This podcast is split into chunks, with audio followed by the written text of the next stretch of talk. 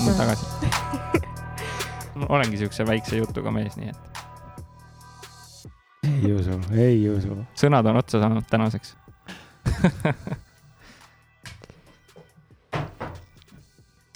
Nonii, Nonii, kas äh, võib alustada? pane käima. juba sõidame? selge, sott on sees. väga hea. palju õnne sulle, palju õnne sulle, palju õnne, kallis Timo, palju õnne sulle. aitäh, Timol on täna sünnipäev, jep, nii et suured tänud teile, palju õnne, kommentaarid laske tulla. jah, palju õnne, Timo. suured tänud, suured tänud. sõbrad, meil on kooki ka, ma tõin vegan kooki teile, nii et siin on äh, neli kolmnurka, nii et andke head maitsta. mul on äh, dieet, saja viies päev magusata, siis äh, läheb Ahtile topelt. Ahti saab topelt. Ahti on rõõmus igatahes. nii, aga paneme käima selle asja. tere tulemast kuulama Ausa mehe podcasti, seekordne saade sai veits teistsuguse sissejuhatuse nagu ka eelmine. Vot nüüd on äh, hea koht kontrollimiseks, ma ei tea, kas Anne Laun Vol kaks on väljas või mitte, aga see saade saab ka olema teistsugune. igal juhul. tere, Eliise tere, ja, ja vahva näha sind äh, taas kord stuudios ja taas kord minuga. Loomulikult.. mul on hea meel, et sa pundis oled ja näed, palju õnne, oi, tere kõigile, palju õnne tuli juurde siit juba kommentaare ka, väga hea, rahvas engage ib. aitäh, aitäh. nii, aga jaa, täna salvestame uut saadet, käes on episood saja viiekümnendate lõpus ja, ja vaikselt liigume selle kahesajanda episoodi suunas. ja, ja täna on meil külas äh, üks erakordselt vahva, vahva härra ja, ja nagu te juba aru saite sellest mõnusast äh, meie primitiivsest ja mitte just kõige paremast koori, koorilaulust. harjutanud olen väga palju, aga ikkagi välja ei tulnud. väga hästi tuli välja, väga hästi tuli välja, muidugi noh. ei ma ootan ka, et Mihkel Raud võtaks nüüd ühendust ja, ja jaa. annaks nagu pakkumise. Rein võiks teha klaveri mingisuguse seti meile selle peale. sellest saab uus intro, et äh, aga jaa, et äh, laulsime Timole, Timo on äh, täna sünnipäevalaps. Timo, sa said täna palju, kolmkümmend viis, kolmkümmend viis jah. kõva raisk. no on küll, on küll. ma just hommikul mõtlesin, et ikka igavene äge pikk teekond on läbi käidud ja palju on veel minna, aga hullult lahe noh, hullult lahe. See on huvitav, et äh, mida noorem nagu, mida noorem sa oled, ütleme sihuke üheksateist, kahekümnendate alguses, sa väga ei mõtle sellele numbrile ja siis mingi hetk hakkab see sisse kikkima, et oot-oot-oot-oot, aga numbrid ju kasvavad, kolmkümmend läheneb või oi, nüüd on lähenenud nelikümmend. no Elisa vaatab meid, et oota, mis millal te vanadekodusse mehed lähete, vaata.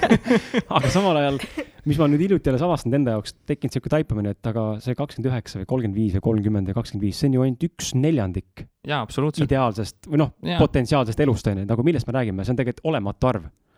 Aga jah, mulle mäletan, kui Peep Lajan minust vanem, siis ta kirjutas ka, et kolmkümmend, ikka olen kolmkümmend, kolmkümmend üks olen kolmkümmend, kolmkümmend kaks olen kolmkümmend, kolmkümmend kolm, oi plee, nelikümmend hakkab tulema. aga jah, see vanus on ainult, ainult number. eks ta nii kipub olema. aga davai, ma teen äh, väikse sissejuhatuse ka, hea kuulaja sulle äh,, nagu ikka ja, ja siis juba lähmegi saate juurde ja Timo saab siis rääkida, meie oleme ise oleme vait. Küsimusi ka ei ole. soolo episood, soolo episood, siin me oleme kõik vait selles mõttes, ma ilma, kui küsimusi ei tule, ma ei vasta, ma ei räägi lihtsalt. siis on haudvaikus äh, kaks vaikus tundi. on kuld. Timo Porvar on äh, mul siis naabrimees Türilt ja keda nimetatakse Eesti internetiturunduse entusiastiks, kellele meeldib mõelda projektide suurt pilti ja seda, kuidas kliendi ärile sellest võimalikult palju tulu tuleks. Ta juhib Eesti üht tunnustatumaid ja hinnatumaid digiturundusagentuuri Lavi, kus aidatakse abiotsijaid digiturunduse strateegia, veebilehtede tulemuslikkuse parandamise ja müügimudelite leidmisega. Timo on pisut nagu Eesti Tim Ferris, kes ei pane kätt ette ühelegi väljakutsele ning on valmis ise olema paljuski asjades kätseenes, et saada enda isiklik kogemus mõne uue veendumuse ja uskumuse kujundamisel. Timo on sportlik mees, kes alustas oma teekonda kunagi Tim Ferrise 4HB või siis 4HB dieediga, vahetades selle peale nelja kuud ühe teise kava vastu välja. Timo isiklik eesmärk oli aastaga saada ette six-pack, mis nüüdseks on ka saavutatud, mehel tänaseks on raudne kilp kõhu peal. äkki veel näitab päeva õhtul või peale saadet onju, kindlalt mitte. lisaks jõutreeningutele on Timo leidnud endas kire jooksmise vastu, mida ta algselt suisa vihkas. jooks on see, millest täna kindlasti pilve jääb.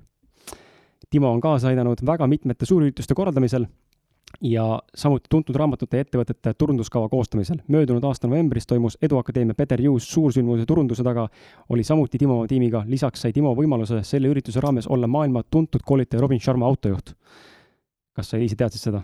ei, see oli ulmeline kogemus. sellest me täna räägime. ja Timo on loonud samuti Zoni veebiakadeemia, kus ühe nädala jooksul kaasati üheksateist digiturunduse eksperti ja filmiti üles kakskümmend neli tundi tasuta digiturunduse teadmisi. ühtlasi on ta seotud ka Business Survival Summit loomisega, kuhu on oma panuse andnud ka samuti Roland Toko ja Erik Edmiits. lisaks kõigele on ta kirjutanud ka raamatu Just nii, härra Seersant, samuti etendab Timoga isa rolli ning on nüüd siis ka podcast'i ekspordi eestvedaja. tere tulemast saatesse, Timo!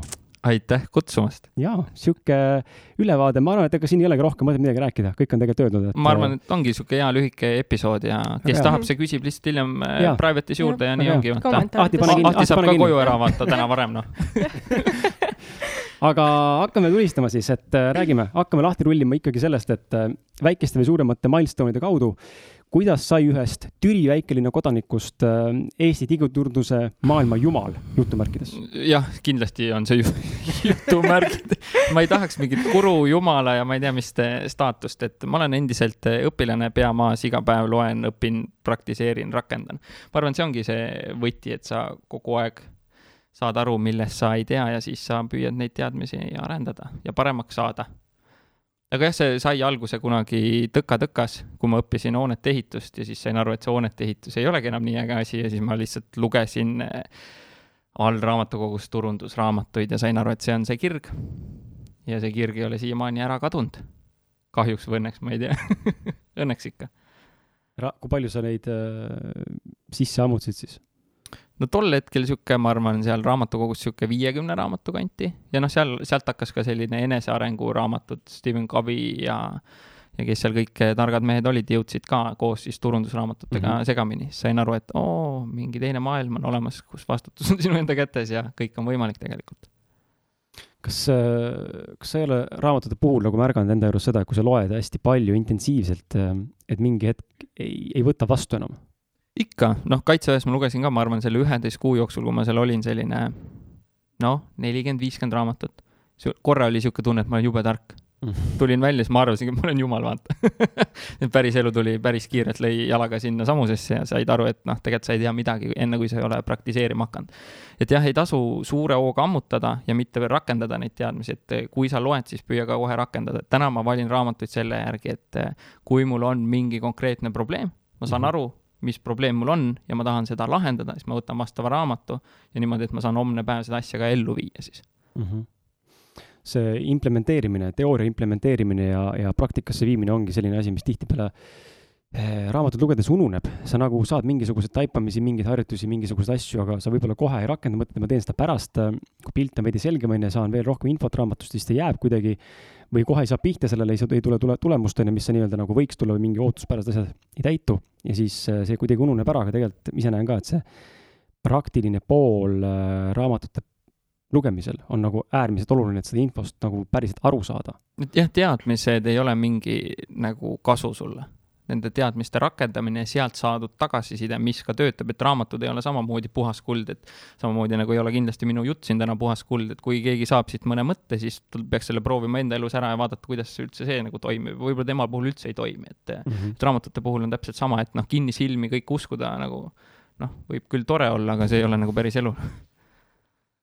kuidas sul oli see äh, raamatute lugemine? raamatutega on jah loen, aga tegelikult äh, ma nõustun ja olen kogenud seda ise, et äh, proovin lugeda hästi palju, aga praktikasse seda jõuab nagu vähe mm. -hmm.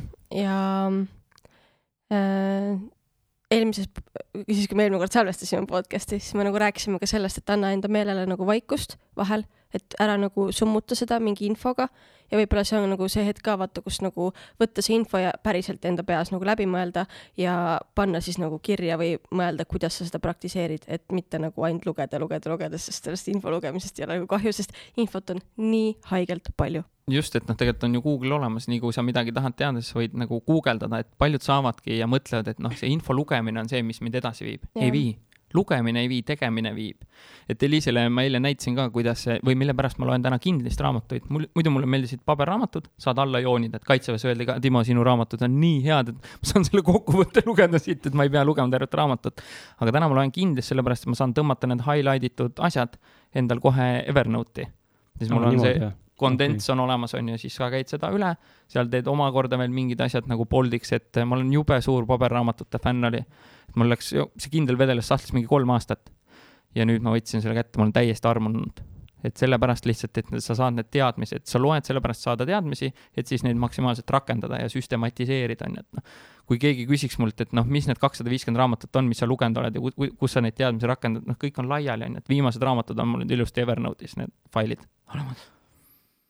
See on jah, üldse huvitav, et ähm, nende raamatute puhul ka, et ise olen ka selline noh, ma loen kiiresti, aga kuna mulle meeldib konspekteerida samamoodi mingeid mõtteid nagu kirja panna, ma ei sodi raamatusse, mul see üldse ei sobi, kuidagi nagu mul on, tekib süütunne, et ah, raamat on tööriist. ma ei saa, mul on raamat nagu püha piivel, ma ei tohi rikkuda, ma hakkan kummardama seda raamatut. ma, ma, Kris, saadan sulle pärast Rich Efreni video, kuidas Rich Efren raamatuid loeb, ta loeb niimoodi, et ta tõmbab markeriga alla need, siis ta rebib kaaned küljest ära, lõikab giljotiiniga liimköite osa maha, skännib sisse, saadab Filipiinidele, Filipiinid toksivad sellest eh, siis kondentsi kokku ja siis selle laseb omakorda kindlisse, mitte kindlisse, vaid äh, mingisse lugerisse mm. -hmm. ja siis, kui ta trenni teeb, siis ta kuulab seda mingi neljakordse kiirendusega, vot niimoodi õpivad väga mehed. väga rets väga rets.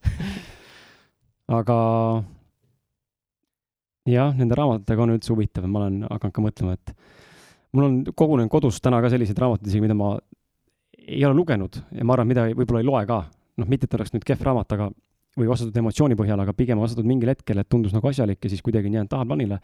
aga mulle meeldis äh, Robin Sharma, kes äh, ühes mingisuguses kuskil enda videos või vlogis ütles sedasama asja, et tal on hunnik raamatuid kodus, raamaturiiulina nii-öelda. Äh, sest et ta lihtsalt tunneb, et see on nagu pärand lastele või kuidagi edasi anda, seda tarkust, et sa saad võtta mingisuguse kindla valdkonna, nagu ma vaatan enda raamatuid täna, mul on peamiselt seal tervis, mul on seal natukene ettevõtlust, mul on seal üsna palju mindset'i, enesearengut, mingit vaimsust, spirituaalsust, on ju. et nagu mingi kindlad valdkonnad, mis tegelikult huvitavad, psühholoogia, on ju, ja kõik. see ei ole niimoodi, mul on seal kõike, on ju. et nagu selles mõttes on see tegelikult mingisugune repertuaar eh, või ampluaa, mis sa saad anda siis oma kellelegi edasi, kes tahab tundma õppida mingit valdkonda, et selles mõttes on tegelikult äge neid raamatuid füüsiliselt hoida, muidugi kulukas, noh, ruumikulukas teinekord, on ju. aga, aga see Kindle'i versioon eh, mul kuidagi jah, pole ise jõudnud veel selle e, e-versiooni peale. et noh, siis sa annad lastele edasi need failid, mis on juba sul läbi töötatud ja loetud, vaata, et see on aga veel omakorda. aga siin on see küsimus, et äh, kust äh, Loomulikult, ma, olen su laps ja kust ma tean, et sinu välja võetud mõtted resoneeruvad minuga, ja, et noh, üks asi, mida ma oma pojale, no kaks asja, mida ma püüan talle õpetada, üks on kohanemine, ta saaks igas olukorras hakkama, mis on minu arust vundament eluks üldse ja teine asi on äh, mõtlemine, eks ma tahan, et ta kahtleb selles ka, mida mina talle räägin mm -hmm. ja noh, ma viskan talle vahel ikka normaalset puid alla, ajan talle sihukest jama ja mulle väga meeldib, kui ta saab aru sellest mm. -hmm. et noh, see ongi, see on nagu minu jaoks, ma võin talle selle edasi anda, aga tema võib sellega hoopis teistmoodi ümber käia. aga jah, raamatud üleüldse minu elus ka, minu arust on kõige suurem nagu või üks suurematest häkkidest üldse, sa ostad viieteist euroga mingil teemal nagu teadmised. julm miks mulle endale meeldib äh, raamatusse kirjutada ja sodida ja alla joonida ja tag'e teha, on see, et äh, kui sa aastaid hiljem lähed sellesama raamatu juurde tagasi, siis sa näed äh, nagu konkreetselt, mida, mis oli sulle oluline aastal kaks tuhat viisteist. et noh, see on nagu mu arust ülilahe. jaa kui Eliise, Eliise laenutab mult vahepeal raamatuid, siis ma iga kord tean, et kui tuleb, ma hoian käsi kinni, et ära, ära, ära sodi, ära sodi, ära palun sodi, ära palun sodi, ära sodi. siiamaani olen suutnud hoida mina jah, ma, mul on niimoodi vahel, et ma hakkan, kui ma veel lugesin paberraamatuid, oli see, et ma istusin tugitooli maha. oot-oot-oot, ma ei saa lugeda, pliiats on puudu. jaa, täpselt sama tunne, päriselt ka nagu,. ja sina, ma saan aru, Kris, peidad hästi kaugele ära oma pliiatsid igaks juhuks. mul on äh, läpakas või teie nutitelefon Evernote kohe sees, ma tooksin sinna kohe mm. -hmm ka noh, ajakulukuse mõttes, aga lihtsalt mulle meeldib kohe ümber toksida mm. -hmm. aga mulle tundub ka see, et kui ma kohe saan selle mõtte nagu highlight ida, panna märksõna juurde, millega see mul nagu kokku klikkis, ma saan nagu palju kiiremini jällegi nagu loetud või kuidagi mul endal nagu see tunne jälle vaata kui huvitav, me räägime raamatutest äh, lihtsalt raamat onju, ma võtan, loen, mis on nii rasket on, aga viise, kuidas keegi loeb ja kuidas ta implementeerib, on ja. nii retsilt palju lihtsalt, et tegelikult näitabki seda, kuidas noh, pole ühte ainsat tõde. kõik on võimalik. muidugi ja, ja noh, raamatut ka valides nagu see, mida sa valid, ülioluline, sest noh, me saame elu jooksul, praegu on, olen kolmkümmend viis on ju, noh, elan võib-olla saja kolmekümne viieseks on ju, aga ikkagi mul on piiratud hulk raamatuid, mida ma saan äh, läbi lugeda, on ju. seda enam on see, et sa valid õigeid raamatuid, on ju, et noh, kontrolli nende autorite tausta, mida nad päriselt ära teinud on või nad on lihtsalt see, et kirjutasin raamatu, et rikkaks saada, vaata, et siis ei ole sellest nagu lugemisest väga palju kasu kunagi mäletan, ma võtsin raamatuid ette lihtsalt sellepärast, et aa, investeerimine, seda on vaja, ma Just. Loen, aga mis ma olen õppinud, on see, et loe nagu selle järgi, mida sa tunned, et sul praegu vaja on mm või mis teema sind nagu huvitab. just, et igaks juhuks ette ei ole mõtet õppida, võib-olla pole kunagi vaja, nagu ei ole mõtet ette muretseda. võib-olla tõesti. kohe. aga sa korra mainisid Evernote'i, kas sul on veel nagu mingeid igapäevaseid tööriistu või mingeid harjumusi või tegevusi, mis aitavad sul nagu oma elu paremini manageerida ja olla võib-olla rohkem motiveeritud? motivatsioon, see tuleb ikka kuidagi nagu seestpoolt ja mingite eesmärkidega, aga tööriistadest, noh, kõik, kes mind kunagi väga kuulnud on, too küll, too küll, too küll. tead, me vedasime kihla, et sa ütled seda no. kui sa niimoodi küsid, Timo, kas sa mõõdad kuidagi oma aega ka, et eh, see on kindlasti tööriist, mis nagu kõik võtke kasutusele, mul oli eile õhtul eh, oli kohtumine Mihkel Moosliga ja siis me rääkisime mingitel teemadel, ta on ka Dogili kasutajast, ütles, et kuule, palju sul selle podcast'i peale aega läinud on, võtsime Dogili lahti, ütles, aa, kuule, okei okay,, väga hea, nüüd ma tean ka, palju kulub. Dogil on siis põhimõtteliselt veebistop, mitte põhimõtteliselt, vaid ongi veebistopper, paned kella käima kinni, kui sa midagi teed, saad teada alguses, sa oled täiega laisk, et kui minu esimene Dogili sissekanne terve mingi kümne või kaheteisttunnise päeva jooksul oli tund kolmkümmend neli, ülejäänud aeg ma kassin tomateid, tõenäoliselt lugesin mingit Delfit või ma ei kujuta ette, mida ma tegin siis, siis sa saad aru, kuhu su aeg kaob ja kuhu ta siis üldse tegelikult läheb ja kuidas saada efektiivsemaks, et tasuta tööriist eestlaste poolt loodud, see on kõige suurem äriline häkk üldse, mis mulle kunagi Raido Pikkar soovitas, et ülitänulik talle siiamaani selle eest. ja igal koolitusel ma räägin sama juttu podcast ides nagu näha ka, et aga mida sa täpselt toglid sinna? Eh, ma, ma ei togli õppimist, ma toglin sinna ettevõttega seotud tegevusi mm. -hmm. näiteks kui ma teen Laviga strateegilisi tegevusi, kui ma teen Lavile klientidele teenust, siis see kõik on eh, seal toglis kirjas, ehk, ehk siis efektiivne tööaeg, mis viib mu ettevõtet edasi või mille eest ma saan arve kirjutada. okei, et see, kui ma sõidan kohtumisele, see sinna ei lähe. et äh, jah, on kohtumine ise, siis ma näen, et kohtumistega oligi see, et kui mul olid Tallinna päevad, tegin kohtumisi, siis Toglis oli kolm tundi, siis ma sõitsin kliendist klienti. siis vaatasin, jeerum, noh, kolm tundi on vähe Toglis, viis on niisugune nagu normaalne. ja siis ütlesin nii, kõik kliendid hakkavad käima meil ja nii Mhm. ongi. ja siis olengi Reval, Reval, Telliskivi Reval kafees istun nii, et vahel ühest lauast istud otse teise, siis klient naeris ka, et see on nagu see male simultan, vaata, et mm. -hmm efektiivne ajakasutus, et siis sa hakkad nägema, et noh, sama kui sa tahad kaalust alla võtta, siis kõige parem viis aasta kõigepealt kaalu peale, vaata oma number üle, on ju, et noh. Kui äh, sa mulle seda Doglit soovitasid, siis äh, ma kohe ei võtnud sellest äh, kinni, ma tegin lahti, ma olen kunagi seda vaadanud, ma arvan, et sinu emaili soovituse põhjal ma olen sinna kunagi jõudnud ka tegelikult. ja siis ma vaatasin, ma sain aru nagu, mõtlesin, mis what the fuck is this, mis kuradi tööriist see on Mhm. nagu, mida, mis ma nagu, sest see suht basic on, seal ei ole nagu midagi basic. kirjas, sul oli mingid tutorial'id otsa, pole, pane umbes nimetus, pane käima, hakka salvestama, on kõik ja ma nagu ei saanud aru, mismoodi see nagu mind päriselt aitab. ja siis ma üks hommik, üks õhtu mul oli vaja teha ausa meeste see raamat, mis tuleb talvel välja, selle raamatu jaoks oli vaja siis, äh, siis umbes mingi sada nelikümmend A4 sisu ära toimetada. niimoodi, et see oleks siis nagu üle loetud, minu poolt selekteeritud välja või välja kärbitud, mis on ebaoluline ja mis on nagu tähtsam. ja see oli vaja hommikuks põhimõtteliselt või nagu nelja, või mingi paari päeva pärast valmis olla. aga kuna ma teadsin, mul iga päev on mingi limiteeritud arv tunde, mis ma saan teha lapse une arvelt või siis oma naisele nii-öelda nagu teda tanki pannes lapsega olemiseks, siis ma lihtsalt, see venib mul mingi nädala peale ja siis ma otsustasin ühel ööl, kuna ma ööinimene ei ole, otsustasin, ma siis teen öösel ära selle, vaatan, kaua aega võtab. panin Dogli käima ja hakkasin kohe tegema tööd, mitte midagi muud ei teinud, ainult tegin seda ühte sama asja, kogu aeg, kogu aeg ise oma tööd oma nende, selle kuradi saate asjaga. ja mul läks neli tundi kakskümmend minti ja ma sain tehtud. lõpetasin öösel ja siis ma mõistsingi, vaatasin, et vau, what the fuck, ma käisin just sada nelikümmend A4 üle lihtsalt sisu, nelja tunniga nagu segamatu aeg lihtsalt, lihtsalt tegin, fookus, Fookus fookus, lihtsalt. mida ma oleks teinud nädal aega võib-olla. see see ei ole võimalik, ebareaalne lihtsalt. et see jah, see aitab hoida fookust ja no seesama, et kes arvab, et tal on sada kuuskümmend töötundi.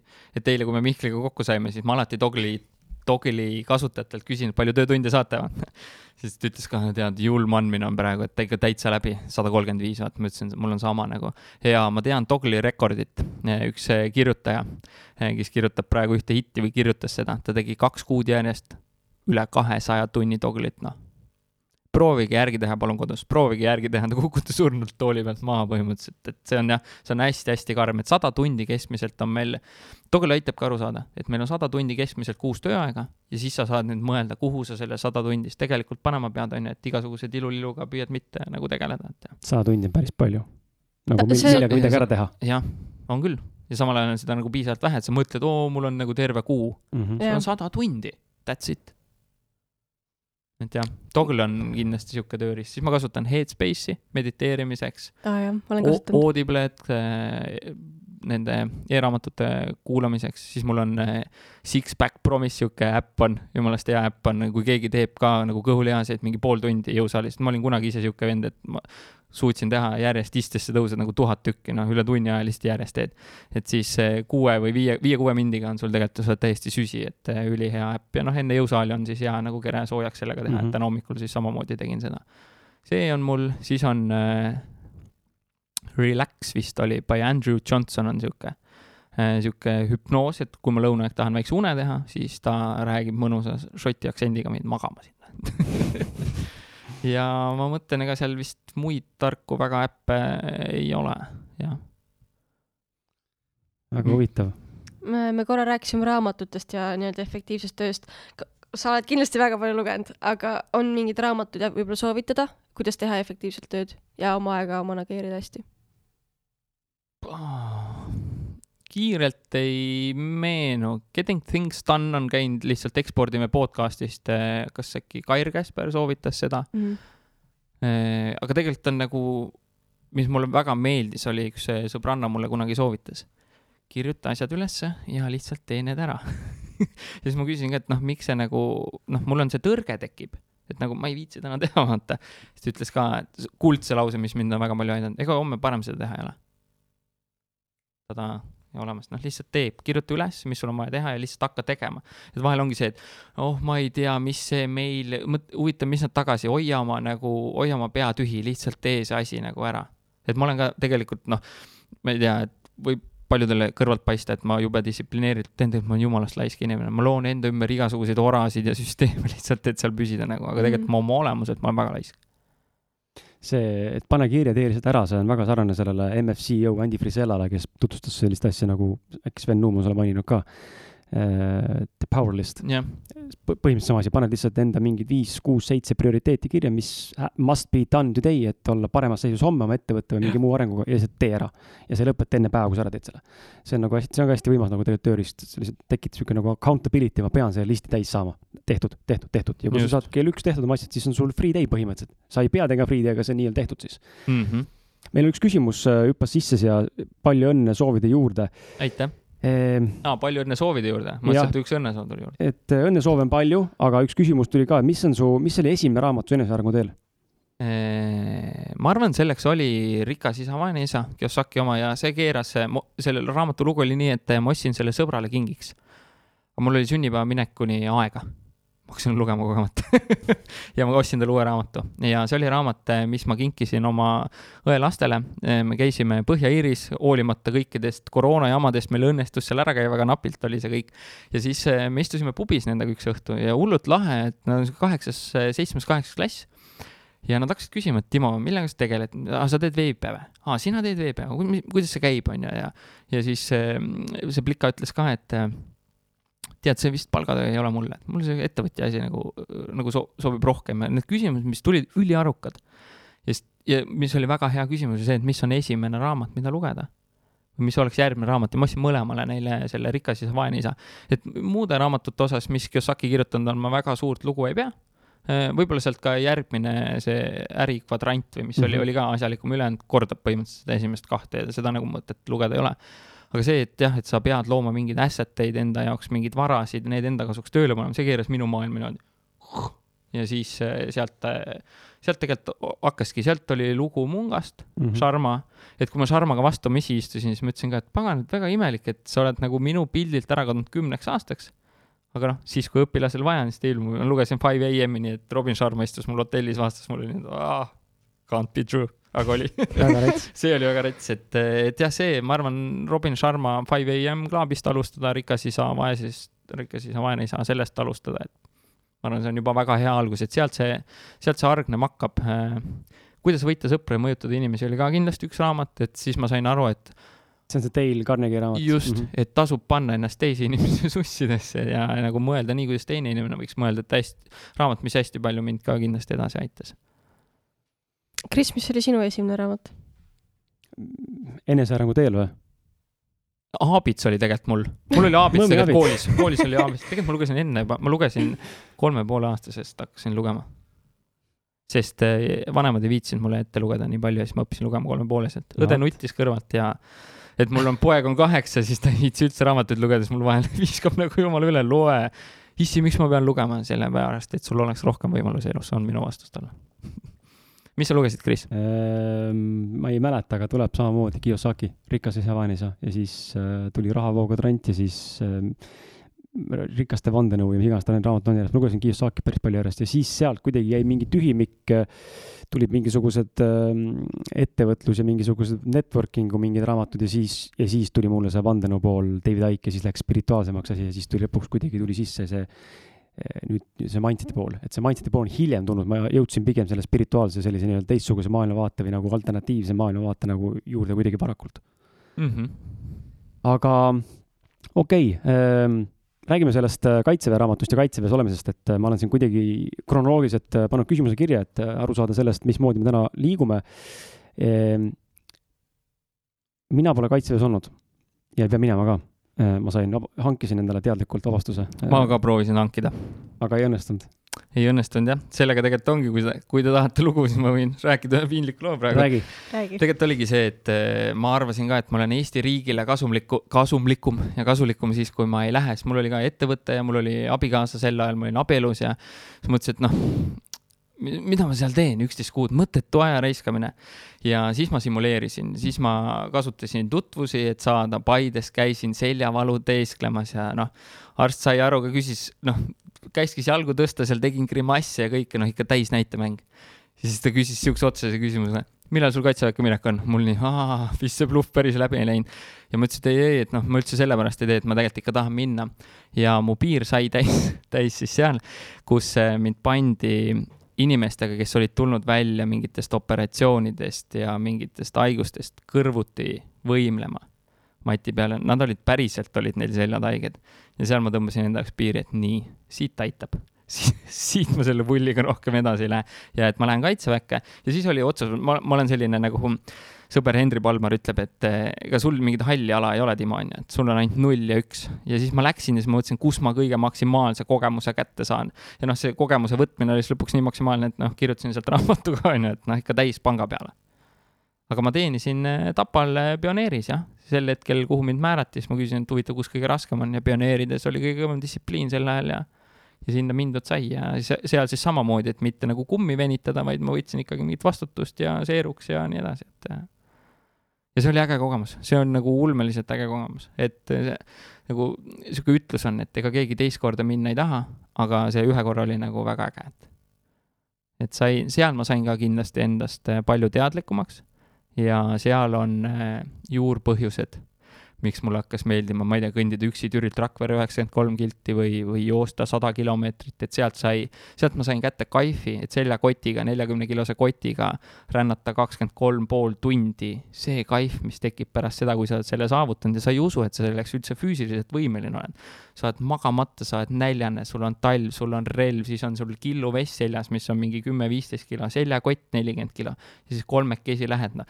see tuju käis lihtsalt ülevalt alla, deliiriumist kuni selleni, et kõik on fucking perses, vaata, et lõpetame selle jama ära. ja siis on jälle, oh mehed, kütame. sa oled täiesti süsi ja siis oli niimoodi, et eh, seal üks kolmandik katkestas selle rännaku ja öeldi, et davai mehed, kui te kiirelt teete, noh, tuli juba uus öö peale, me alustasime öösel ja lõpetasime öösel. et eh, te saate lõpuni käia, aga te peate oma tempot tõstma ja meil on umbes kolm kilti jäänud lõpuni. me jooksime selle et noh, sel hetkel, kui sa arvad, et nii, kõik, mul on energiavarud otsas, ei ole.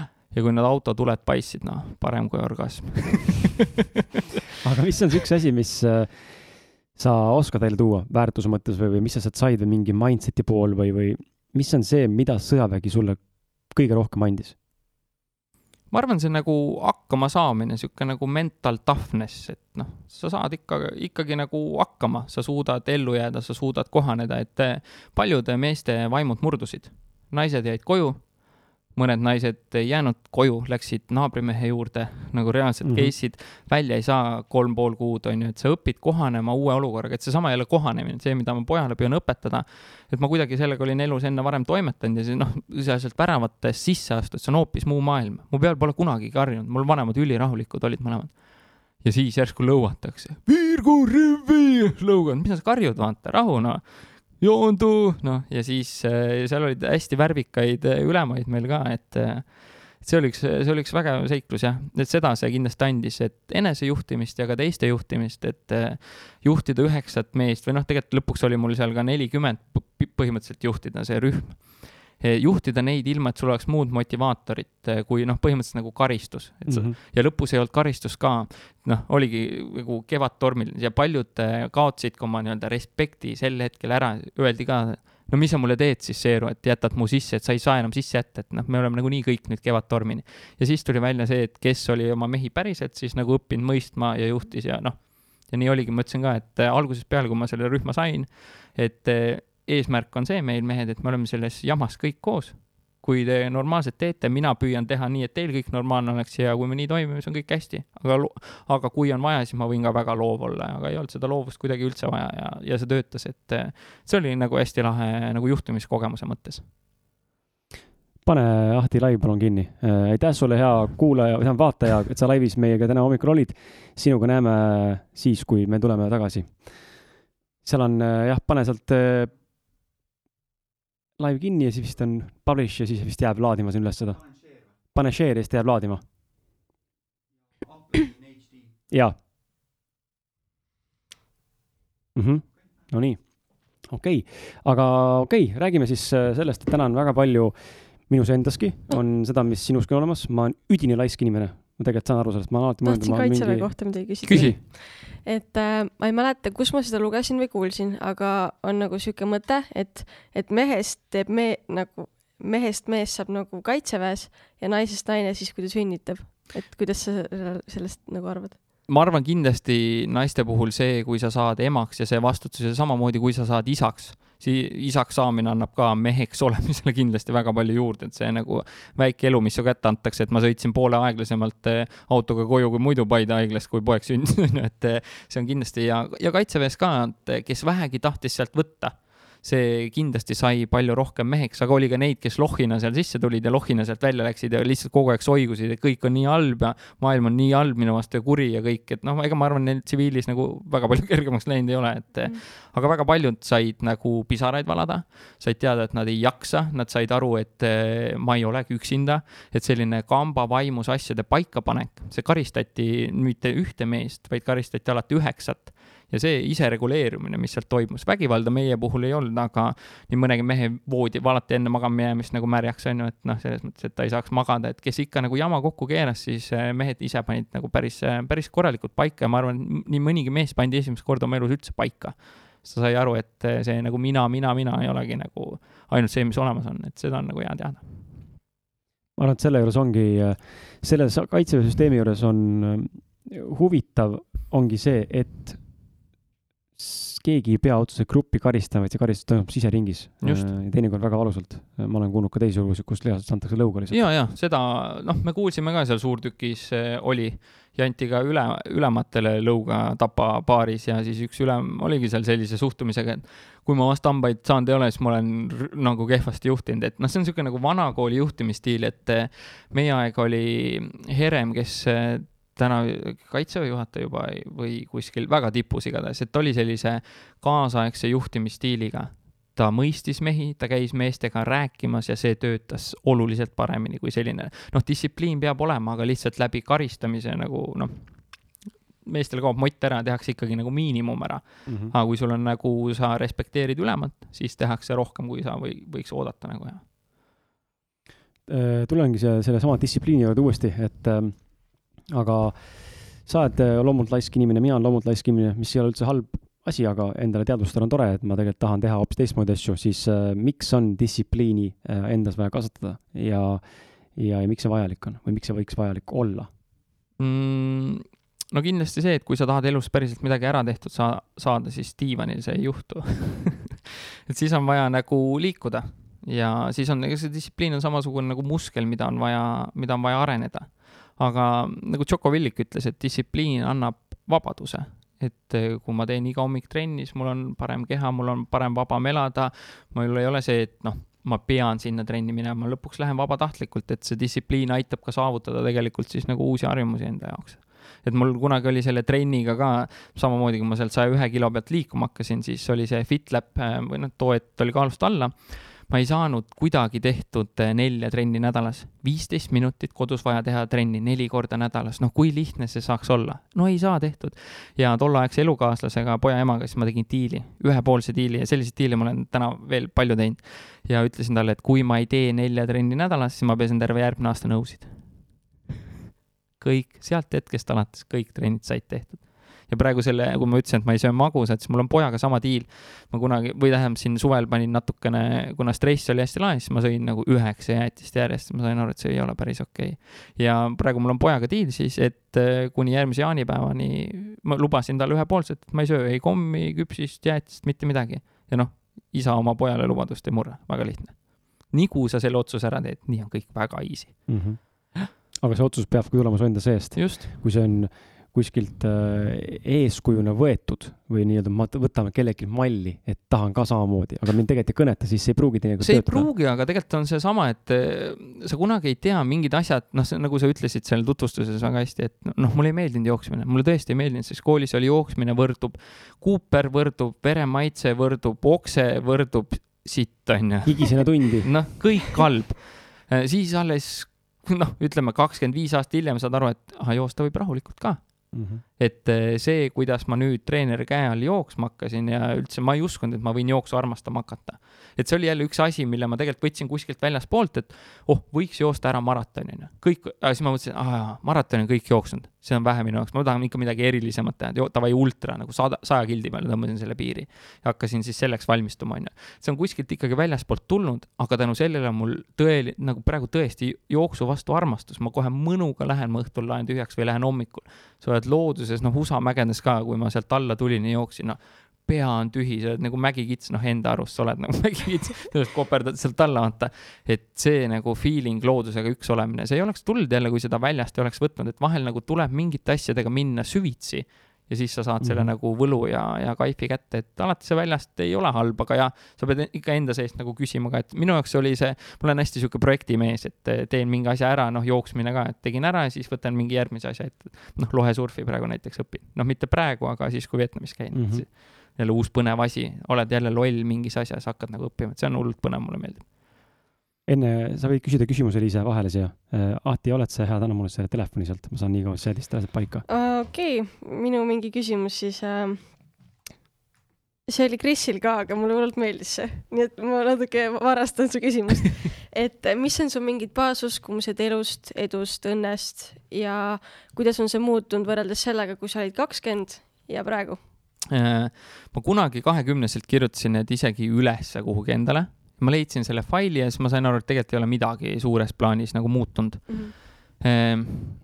aita inimesi, ole ise nagu hea ja normaalne inimene, ära nagu pea viha ära keera teistele nagu jama kokku, taha inimesi aidata, loo väärtust ehm,. püüa leida see, mis sind ennast nagu õnnelikuks teeb, mis sulle meeldib, mitte et see, seda ma ka ei usu, et me kõik peaks kogu aeg õnnelikud olema, pole, pole lihtsalt võimalik või lihtsalt mina ei oska olla, aga lihtsalt see, et sa leiad ikkagi nagu mingi rahu endas mingite asjadega, leiad selle, mis sind nagu drive ib, mis sind edasi viib, et eh, jah, selline jah, sihuke väärtusloome, hea inimene olek, normaalne.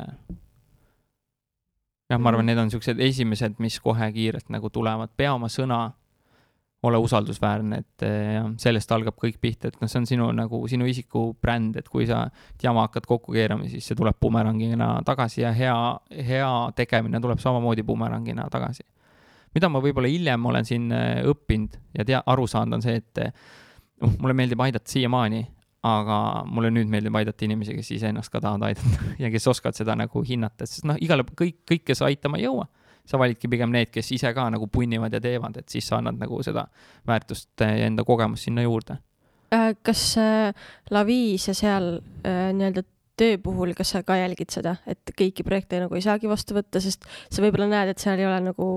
Jaa, ja meil on äh, Laviis, äh, noh, eelmine aasta ma võin öelda, et circa sada projekti, mida me ei võtnudki vastu, et mm -hmm. jällegi me ei ole kuidagi ülbed, aga me näeme, et ma ei tea, inimestega ei klapi võib-olla, siis kõik inimesed ei klapi ka omavahel ja noh, mis on hästi oluline minuga, on inimesed, kes mu ümber on et need on head inimesed, sama nagu Ahtiga siin stuudios, me põhimõtteliselt elame koos, on ju. et kui mul ei oleks temaga äge tööd teha, siis, siis ma ei teeks seda, et noh mm -hmm., inimesed on hästi-hästi olulised mulle ja kliendid siis täpselt samamoodi, on ju, et ja, ja kui ma näen, et ma ei saa ka neid näiteks aidata või meil on konkurents ees, siis noh, siis me ei tee lihtsalt seda, et see ei ütlemine on kindlasti asi, mida ma olen aastast, aastatega nagu õppinud, sest noh, jälle me kõik mõtleme, et ja kui me ütleme ei, siis me oleme halvad inimesed. ei, me ei ole halvad inimesed, see lihtsalt ei lähe võib-olla meie praeguste eesmärkidega nagu kokku, et eh, sellepärast ei peaks keegi nagu, ma ei tea, piinlikkust tundma või arv-, arvama, et ta nagu kehv inimene on, kui ta kellelegi ei ütleb, et eh, aga kui oluline on sinu jaoks nagu anda, anda, anda ja kasvõi tasuta anda? see on, see on, ma olen muianud eh, kuskil videosse võib-olla see sisse öelnud, see on mul nagu emapiimaga kaasa tulnud. et mulle see on juba nagu, lõpuks on see, et sa mingi hetk täiskasvanu eas hakkad vaatama sinna lapsepõlve tagasi, need mustrid olid juba seal olemas. ma ladusin naabripoisi puid mingi kümme korda parem meelega kui enda omasid, noh korjasin tema sõstraid nagu parem meelega kui enda omasid, sest ma vihkasin marjade korjamist, onju. et see kuidagi nagu andmine on, see on kuidagi, ma ei tea, algusest peale nagu mu sees olnud, sest eh, jah, see nagu näed, kuidas inimesed saavad tänu sulle kuidagi paremaks või midagi rohkem tehtud, see on hullult äge tunne, et see võib-olla, see võib-olla tuleb ka kuskilt nagu egost, et siis su ego on nagu, oo, ma olen aidanud inimesi. aga ma ei tea, mul tõesti nagu see meeldib, et see ei tule ilma pingutuseta, et et jah, ja selle, selle peale on meil ka kogu Lavi turundus üles ehitatud, et anna maksimaalselt väärtust üleüldse, kes turundusega, ettevõtlusega tegeleb, et kui sa turule annad maksimaalset väärtust, siis kliendid leiavad su üles, nad lõpuks tulevad ka sinu juurde nagu kliendiks ja, ja ostavad, et jah, et kui sa lihtsalt lähed see, et kuule, tule osta mu see veeklaas siin ära, no siis on see, et no ma ei taha, noh. et ära müü inimestel, lase inimestel osta ja see algab nagu väärtuse andmisest. tõestad kõigepealt, et sa üldse oskad ja tead midagi nagu aga kuidas sa lood inimsuhetes usaldust? mitte just nagu kliendisuhetes, seal on mingid omad asjad, aga just inimestega no tuttavatega, sõpradega. pea oma sõna, äh, mõtle selle teise inimese peale, et mulle meeldib teha, mul on üsna hea kingitus ta tegija, mitte et ma neid kogu aeg teeks, aga mul on nagu vahel on ikka nagu väga head mõtted, et siis, siis mulle meeldib, või noh, ongi, sa saad aru sellest teisest inimesest, mitte noh, ka su-, suhtlemisel on see, mitte sa ei räägi ainult endast, vaid nagu päriselt kuula, mis seal teisel poolel öelda on. et loomulikult ma olen ise ka vahel see, et ma lihtsalt jäängi lobisema, siis mul on vaja kuidagi välja rääkida oma mingid pinged ja asjad. tegelikult on see, et kui teine pool tunneb, et ta mõistetud on, on ju, siis sellest see nagu usaldus kasvab, et ja ma olen valinud enda jaoks reaalselt paberile pannud eh, sõprade nimed, kelle jaoks ma olen alati olemas ja ma olen seda neile ka öelnud. Nende jaoks ma leian aja ka kõige kiiremal hetkel ja neid valmis siis nagu aitama. ja küsidki, mis on nende probleemid ja siis aitad neid nagu lahendada. aga sellest kingitusest äh, kõige parema kingi, mis mul on välja tulnud, on see, see lugu selle taga on see, et äh, ma olin vist mingi kakskümmend viis, äh, Hendri oli kakskümmend viis ja meil sel hetkel ikka üldse raha ei olnud, noh, jube vähe ja siis ma käisin raamatupoes, vaatasin allahinnatud äh, raamatud olid ja vaatasin Bill Gatesi lugu oli seal ja siis noh, mul alati on nagu reegel on see, et äh, kuulajad võiks ka selle üle võtta, et kui te raamatuid kingite, siis alati kirjutage sisse, et noh, mis mõttega see, mis mõttega see raamat kingitud on või mille jaoks, et kirjuta sinna midagi ilusat sisse. hoopis teise nagu taseme raamatule. ja siis ma Hendrile kirjutasin ka, et noh, sa loo enda lugu, vaata. ja siis noh, Hendri on ikka selline ratsionalist ja siis pärast ütles, et tead, Timo, see oli kõige sitem raamat, mis ma kunagi saanud olen. aga vot täpselt sellel hetkel, kui ta seda ütles, ma mäletan, ma seisin ta Karu tänava seal ähm, korteri ukse peal ja küsisin endalt, mis oleks kõige parem raamat, mida Hendrile võiks kinkida. ja tema kolmekümnendaks sünnipäevaks koos, ma arvan, neid sõpru oli kakskümmend viis ma saatsin sõpradele kirjad laiali koos mingi seitsme-kaheksa küsimusega stiilis, et kui Henri teeks endal tätoveeringu, siis mis ta oleks, mis on sinu esimene mälestus Henriga. Äh, ja palusin saata ka pildid ja me kirjutasime kokku äh, nendest siis küsimustest raamatu ja siis ma pidasin ta kolmekümnendal sünnipäeval kõne ja siis Hendri on muidu sihuke, noh, ma ütlen sihuke hea kivi nagu siis see emotsioon, seda on inimesed öelnud, et seda Hendri pilku ma ei unusta kunagi. Ja see oligi, see sai sündida koostöös siis kõikide inimestega, et kõik panustasid. Ja siis ma seal kõnes küsisin ka, et palun tõstke käed, kes siis, kes panustasid siia raamatusse, see kätemeri, mis tuli, siis Hendril oligi oh appi kui lahe. et eh, see on asi, mida raha eest osta ei saa. ja ega ma selles mõttes, ega mul ettevõtja hing oli ikka, siis ma tegin kolm raamatut, ühe kinkisin Hendrile, ühe jätsin endale ja ühe panin sealsamas oksjonile ütlesin, et see läheb Hendri reisirahaks, davai, panustame. ja see osteti kahe sotiga ära, ehk siis sain ka talle raha veel kaasa kinkida, et, eh, et ja noh, selle peale Hendri ongi öelnud, et eh, Timo, sa ei pea rohkem mulle elus mitte ühtegi kingitust tegema, et no kui sa niimoodi nagu pihta saad et see on nagu äge tunne, et äh, jah, siukseid asju mulle nagu meeldib teha, need on vahel väiksed detailid, sa viid kellelegi saiakese, kellel on väga raske näiteks tööperioodil või tellid talle Woldiga toitu tema üllatuseks, on ju, no üli, üliväiksed asjad, aga see lõpuks nagu loeb. et siukseid Mhm. asju mulle meeldib teha. siin olekski äh, hea küsida ja arutleda võib-olla selle üle, mis on sinu arvamus sel kohal, et, et ähm, me rääkisime sellest äh, hea tegemisest, aga me tegelikult võib-olla igaüks täna veel ei praktiseeri seda ja, ja seal tuleb ilmselge sisse see, et äh, noh, hirm, et ma annan ära ja mul on vähe ja ma ei julge anda ja ma ei tea, kas sa mõtled anda ja ma ei taha anda ja mis iganes veel seal on, aga et mik-, miks ma peaksin äh, tahtma hakkama rohkem head tegema teistele, ilma et ma mõtleksin enda perse kasu peale. mis on see üks punkt võib-olla, mismoodi see su elu muutub paremaks, kui sa niimoodi tegema hakkad? Ma ei tea, ma arvan, et eh, meil kõikidel ühiskonna mõttes läheks paremini, kui me kõik panustaks natukene rohkem, kui meilt nagu oodatakse. ja see hea tegemine on üks osa sellest, et eh, see ei võta sult tükki küljest ära, kui sa teed eh, naisele ukse lahti või ütled kellelegi nagu tere joostes või rattaga sõites. paljud ehmuvad alguses ära, sest eestlastena me ei ole lihtsalt harjunud seda, aga see ei võta sult mitte midagi ära ja isegi mitte midagi vastu saamata, see on nagu tore on seda teha selles mõttes ja, ja sa muudadki teise inimese päeva paremaks, noh. Mm -hmm. ja sa ei, võib-olla sa ei saa seda kunagi teada. et kui ma täna siia podcast'i jalutasin ka, siis ma mõtlesin, et eh, kui siis podcast'is keegi saab ühe mõtte, mille peale ta mõtleb, et oo, see aitas mu elu paremaks, siis juba on meil mõtet siin kolmekesi või neljakesi siin ruumis olla ja, ja seda asja nagu teha, et eh, et jah, lihtsalt tee rohkem, kui sult oodatakse ja tegelikult ongi, ongi juba elu nagu väga ilus ja see nagu enda kasu sealt, nagu see tuleb niikuinii, noh et ja see aitab ka tegelikult sind areneda, et mida rohkem, me oleme põhimõtteliselt Laviis näiteks kõik turundusteadmised välja andnud. lugege Lavi blogi, lugege meie uudiskirjad, vaadake meie videokoolitused ja pange püsti enda Lavi kaks, kolm ja neli. aga see aitab mind olla kikivarvul ja kogu aeg ju areneda, on ju, et et jah, see, mul ei ole kuidagi kunagi seda nagu hirmu olnud, et anda ära rohkem. me oleme korduvalt maininud juba seda sinu äh, ettevõtet Lavi Eh, meil on mõned äh, sellega seosevad küsimused ka ja, ja tahakski, et natuke räägiksid äh, mm,.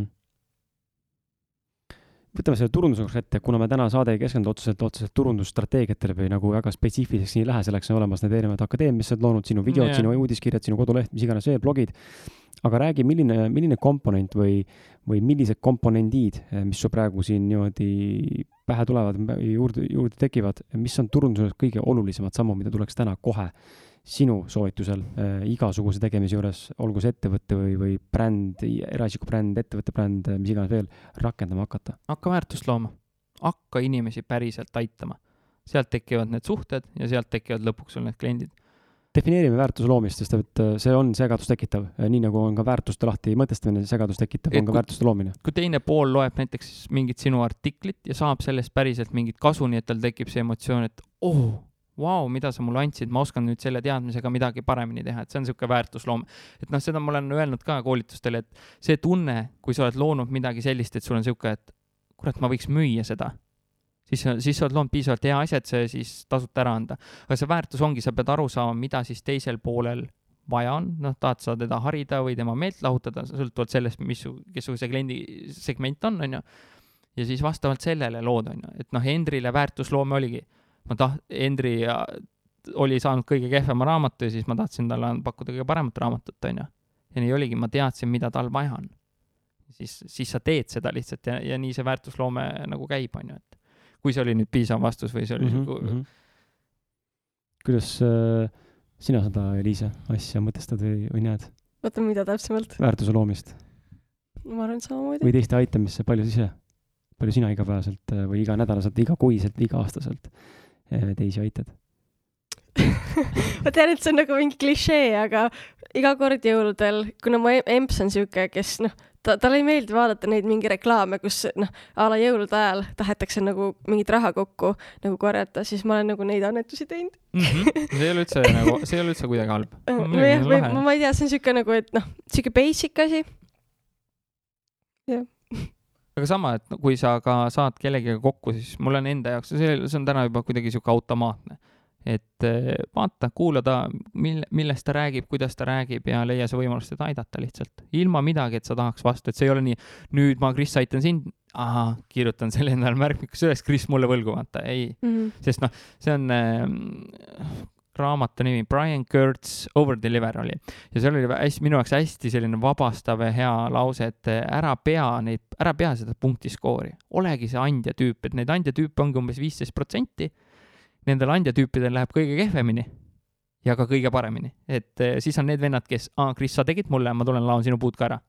Siis on need vennad, kes ainult võtavad laua pealt, et noh, neid me ühiskonnana ei salli, onju et, et ära ole see seal keskmik, mis on enamik, kes loeb kogu aeg seda, et eh, nii Ahti mind ei aidanud, mina teda ei aita. aita ikka, over deliver, noh, nii palju, kui sa ise oskad ja suudad ja sel hetkel nagu jõuad.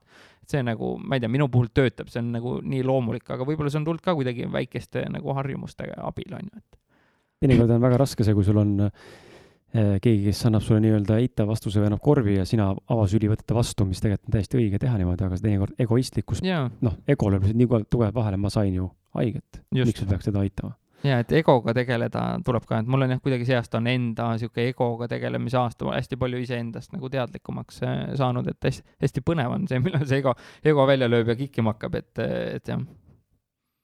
Ma ise nagu tööformaadis või siin ongi videostuudios märkan nagu seda, et äh, ei taha nagu küsida raha niimoodi, et, et, et maksa mulle rohkem, siis ma teen paremini ja rohkem, vaid et, et äh, ma õpin selle asja selgeks, ma õpin selle asja nagu hästi selgeks ja siis ma ootan, et sa maksaksid mulle nagu rohkem mm. -hmm. et ma ise nagu mõtlen seda.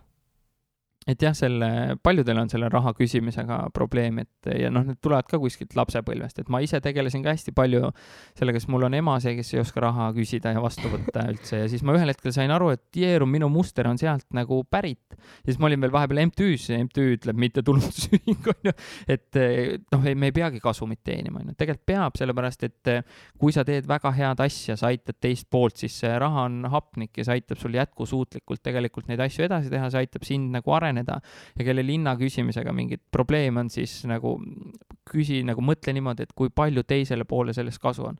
mitte see, et issand, kas ma saan enda tunni eest küsida sada euri, et Maxima töötaja saab nagu kolm viiskümmend, et see küll, et noh, me oleme samasugused inimesed, et ma ei ole ju kuidagi parem nagu ja veel ma ei tea, mitukümmend korda parem. aga kui sa teisele poolele selle tunni ajaga annad väärtust tuhande euro eest, siis sada on nagu isegi vähe, onju, siis peaks küsima viis sotti. ja nii ongi, see teeb nagu endale elu lihtsamaks. See on äh, huvitav teema äh,, raha küsimine ja, ja raha vastuvõtmine ja, sest ma eile jalutasin, sõber tõi külla, jalutasin äh, temaga seal Väätsal ja, ja panin last magama vankrisse, siis arutlesime selle üle, et ma mõistsin eile, üleeile siis, et mul on raske raha vastu võtta. kui ma pakun mingit teenust või toodet, mul on äärmiselt ebamugav nagu vastu võtta raha. kust see tuleb sul? ma ei tea, ma arvan, et see tuleb lapsepõlvest kuskilt. see võib-olla, me arutasime sõbraga, et see võib tulla vabalt kuskilt sealt, et meie vanemad, ma küll ei mäleta ühtegi pilti olnud isast ega emast selliselt, aga see on üsna laialt levinud arusaam, et kui keegi annab kellelegi raha, vaata, siis on öeldud, et oi ära, mis sa hakkad mulle andma siin, ära, mul mul ei ole vaja, ära anna praegu, kõik on okei okay., tead jah, tead ei ole vaja, ära hoia endale. et ilmselt kuskilt on see üles tulnud. ja teistpidi ma arvan, mis seal taga taustal on, nüüd on äh, see kurvem pool on see, et ma ei väärtusta iseennast. ja kui ma ennast ei väärtusta, siis ma tunnengi, et ma ei ole selle vääriline või ma olen vähema vääriline. et see on nagu väga huvitav mäng, mida me enda mõistuses tegelikult mängime ja ja, ja täna on mul huvitav näha seda, et see, kus ma täna olen, on puhtalt sellepärast, et ma ei suuda küsida lihtsalt, ma ei suuda küsida raha, ma ei saa, mul Et- on nagu mingi plokk on ees. selle plokiga kindlasti tuleb äh, tegeleda, see annab lihtsalt nii palju juurde, on no, ükstaskõik mis plokid, vaata, on, on see ego või on see siis äh, raha küsimine, aga mul üks sõber ütles ka jube hästi, et jalutasime tennist mängima. Timo, raha tuleb küsida nii, et piinlik on veits, et sa küsid ka enda mugavustsoonist väljas. noh, ja ma mõtlen seesama, et ma ise sellega tegelesin, siis ma püüan enda poja puhul vältida. see on normaalne hagias mul täna, noh. see oli niimoodi, et eh, ma ütlesin ka, et roogid maja eest lume ära tähendab, minu mõte, miks ma talle üleüldse kogu nagu mingite tööde eest raha annan, on see, et ta hakkaks avastama võimalusi. ta hakkaks nägema. ja, ja siis oligi see, et ma ütlesin, et roogid lume ära, saad euri. Nii vähe või? ja nüüd tal on see, et eh, nüüd ta saab aru, läksime hiljem poodi, et Lego ostma, kuuskümmend neli euri, et issi osta. Kristo, kuuskümmend neli korda on vaja lund visata. no see lapse nägu, mis tuli ja siis ongi ja mis mulle meeldis, oli see, et ta tuli üks päev tuppa, kuule, aga kui ma su auto pealt lume ära roogin, mul nii jess, ta näeb neid nagu mm. -hmm. võimalusi, vaata. Et eh, ta on ikka suurepärane kaupleja, et ka mingite tööde eest ehitasime koos terrassi ja ta, noh, talle kohe meeldib teha ja ta ei tee ainult raha pärast, seda ma näen ka. aga raha talle meeldib. ja siis ka ma ütlesin, et, et noh, küsis, kas ma saan raha, ma ütlesin, et noh, midagi ikka saad. et eh, ma tahaks paberraha, ma neid münte ei taha. ma ütlesin, no viieka ikka saad, aga kümnekas äkki oleks parem, et noh, ta oskab juba küsida, ta tegelikult ma näen, et elu on oluliselt nagu lihtsam, loomulikult ma- pean seda teistpidi tasakaalu hoidma, et ainult raha pärast tegema ei hakkaks, onju, aga, aga me korraldasime temaga Rakveres esimeses klassis oli jõululoos ja ma tahtsin anda talle seda eduelamust eh, ja tal olid eh, kaks seal teist poissi ka, kellega nad koos elavad ja siis eh, üks poiss meiega punti ei löönud. siis tema teeb muffineid, tema ei usu, et inimesed õnneloosi ostavad. ma olen kooliaeg kunagi õiega teinud, noh, see on killer, see töötab. õnneloos on õnneloo-, vahe. õnneloos töötab, pane ainult, pane ainult head auhinnad ja oligi, me tegime täis äh, protsessi läbi äh,. ma käisin poes poistega, me ostsime auhinnad, see tšekk on sama pikk kui mu poeg, sihuke kolmes, kolmesaja euri eest, ma ütlesin ka, poisid, minge metsa, kui te seda maha neid asju ei müü ja loose, vaata, et, et noh, ma mängisin in- investorit, Mhm. elu, tolleaegne elukaaslane poja ema siis oli raamatupidaja, onju, kes lõi kokku ja poisid siis müüsid ja kõik õhtul me tegime. hullult lahe koos tegemine. ja ja siis oligi, noh, vormistasime ka selle kõik eh, ilusti, see korv, mis meil oli ilus punutud korv ja jõulutuled küljes, täismäng, noh. Et see, kohe paistsime sealt silma nagu jälle hästi oluline on nagu eristuda, onju. ja, ja oligi siis järjekord oli ukse taga lastest või seal nagu ja poisid eh, müüsid kokku, müüsid kokku neljasaja euri eest ja siis ma ütlesingi poistele ja noh, stuff'i jäi normaalselt järgi ka veel sealt. siis ma ütlesin poistele nii ja nüüd on see kolm sotti on sealt nagu minu oma ja kumb, poisid panid kahe tunniga põhimõtteliselt siis nagu kumbki viis kümpi puhast mm -hmm. pluss see kogu stuff. ja, ja ma ütlesingi, et eh, mina olin investor, vaata, ma andsin teile raha, et selle ma võtan nagu tagasi. noh, nägu läks veits pikaks. ja arvata on. ja, ja jube pull oli see, et eh, tegelikult kuu aega hiljem rääkisime telefonis ja küsis niimoodi, täitsa muu jutu keskele, issi, miks sa selle kolm sotti meilt ära võtsid?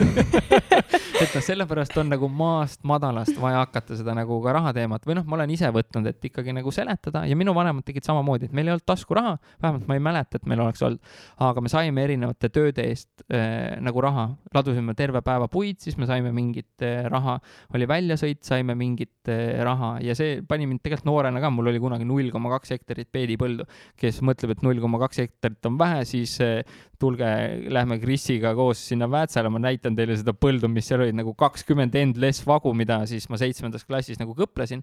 aga see raha oli tol hetkel äkki mingi kolm tuhat nelisada krooni, mis oli võib-olla ema kaks kuu palka, et et jah, selline nagu raha eest tegemine jah, ei ole kuidagi halb ja mida varasem, vara, varemalt sa sellega pihta hakkad, seda parem see minu arust on noh.